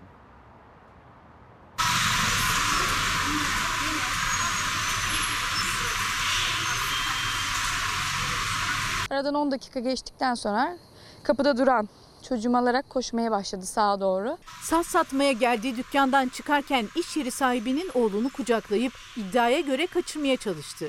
Dükkan sahibinin eşi son anda yetişti. Gözaltına alınan şüpheli çocuğu sevmek istedim, şaka maksatlı havaya kaldırdım dedi ama nöbetçi hakimlik tutuklanmasına karar verdi. Ağlayan çocuğu susturmak için, e, annesine götürmek için kucağıma aldım. Uçak yapmak istedim. Hop hop tarzında oynatmak istedim tarzında bir ifade kullanmış. Güvenlik kamerasına yansıyan çocuk kaçırma girişiminin adresi Antalya. M.I. isimli kişi pazartesi akşamı kent merkezindeki Serekler Çarşısı'na gitti. Yılmaz Dağ'a ait dükkana girip kendisine ait sazı sattı. Sonra da kapının önüne çıktı. Dükkan sahibinin iki buçuk yaşındaki erkek çocuğu iddiaya göre ağlıyordu. M.I. çocuğu kucağına alıp koşmaya başladı. Anne Sıla Dağ o sırada dışarıdaydı. Son anda şüpheliyi durdurup çocuğu M.I.'nın elinden geri aldı. Onun koşmasıyla ben beyefendiye e, tepki gösterdim. Ne hakla benim çocuğumu alıyorsun tarzında birkaç kelime sarf ettim. Sonrasında zaten fenalaşmışım çocuğu aldıktan sonra. Çocuk da mı sevmeyelim, şaka da yap, şaka şaka da mı yapmayalım tarzında bir cümle kullandı. M.I. çocuğu kaçırma niyetim yoktu dedi ama dağ çifti şüphelinin ayrılmasından sonra karakola giderek şikayette bulundu. Suç duyurusunda bulunduk. Tabii ki bir anne baba olarak çok üzgünüz bu yaşanan olaylardan dolayı. Sanık dün 22.40 civarlarında kendi polis karakolunu arayarak polisler tarafından alınmış. Sabaha kadar karakolda tutulup sabah nöbetçi savcıya sevk edilmiş. Şüpheli iddiaları reddetti. İfadesinde çocuk ağlıyordu. Ben de şaka maksatlı çocuğu alıp havaya kaldırdım. Süpermen ol seni uçurayım dedim diye konuştu. M.I. daha sonra kişiyi hürriyetten yoksun bırakma suçlamasıyla tutuklandı. İki buçuk yaşında konuşamayan, kendini ifade edemeyen bir bebeğin e, teline dokunuyor, kucağına alıyor ve koşma girişiminde bulunuyor. Bir anne olarak tabii ki korkuyorum ve 7,5 aylık hamileyim, riskli bir gebelik geçiriyorum. Orada karnımdaki çocuğa da bir şey olabilirdi. Baygınlık geçirdiğim sırada. Çin'de bir kaldırım üzerindeki yayalarla çöktü.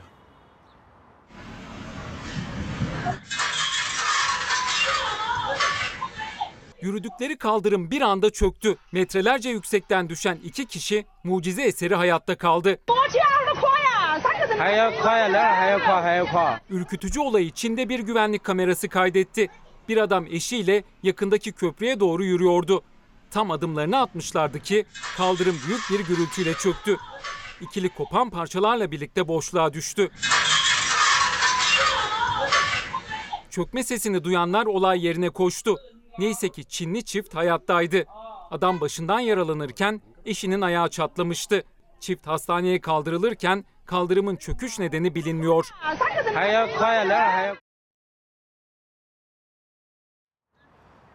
Soluklanma molasına gitmeden önce yine harika bir klip.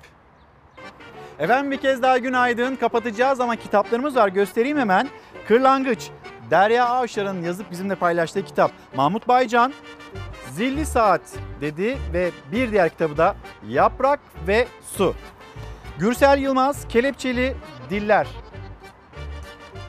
Sona Polat Bilgin, Baharım Ol Gel Baba, ve Doktor Servet Avşar'ın çalışması 1. Dünya Savaşı'nda İngiliz propagandası. Efendim kapatırken her zamanki gibi teşekkürümüz sizlere. Bizi izlediğiniz için çok teşekkür ederiz. Arife gününde Çalar Saati noktalıyoruz. Yarın sabah bayram sabahı, bayram sabahında yine sürprizlerle karşınızda olacağız. Bu arada sevdiklerimizin yanına gidemiyoruz, çekiniyoruz diyorsanız Mektuplarınız, mesajlarınız varsa bizler burada olacağız saatler 8'i gösterdiğinde o mesajlarınızı sevdiklerinize, büyüklerinize iletmeyi istiyoruz. Ve yarın saatler 8'i gösterdiğinde burada buluşalım. Güzel bir gün olsun. Hoşçakalın.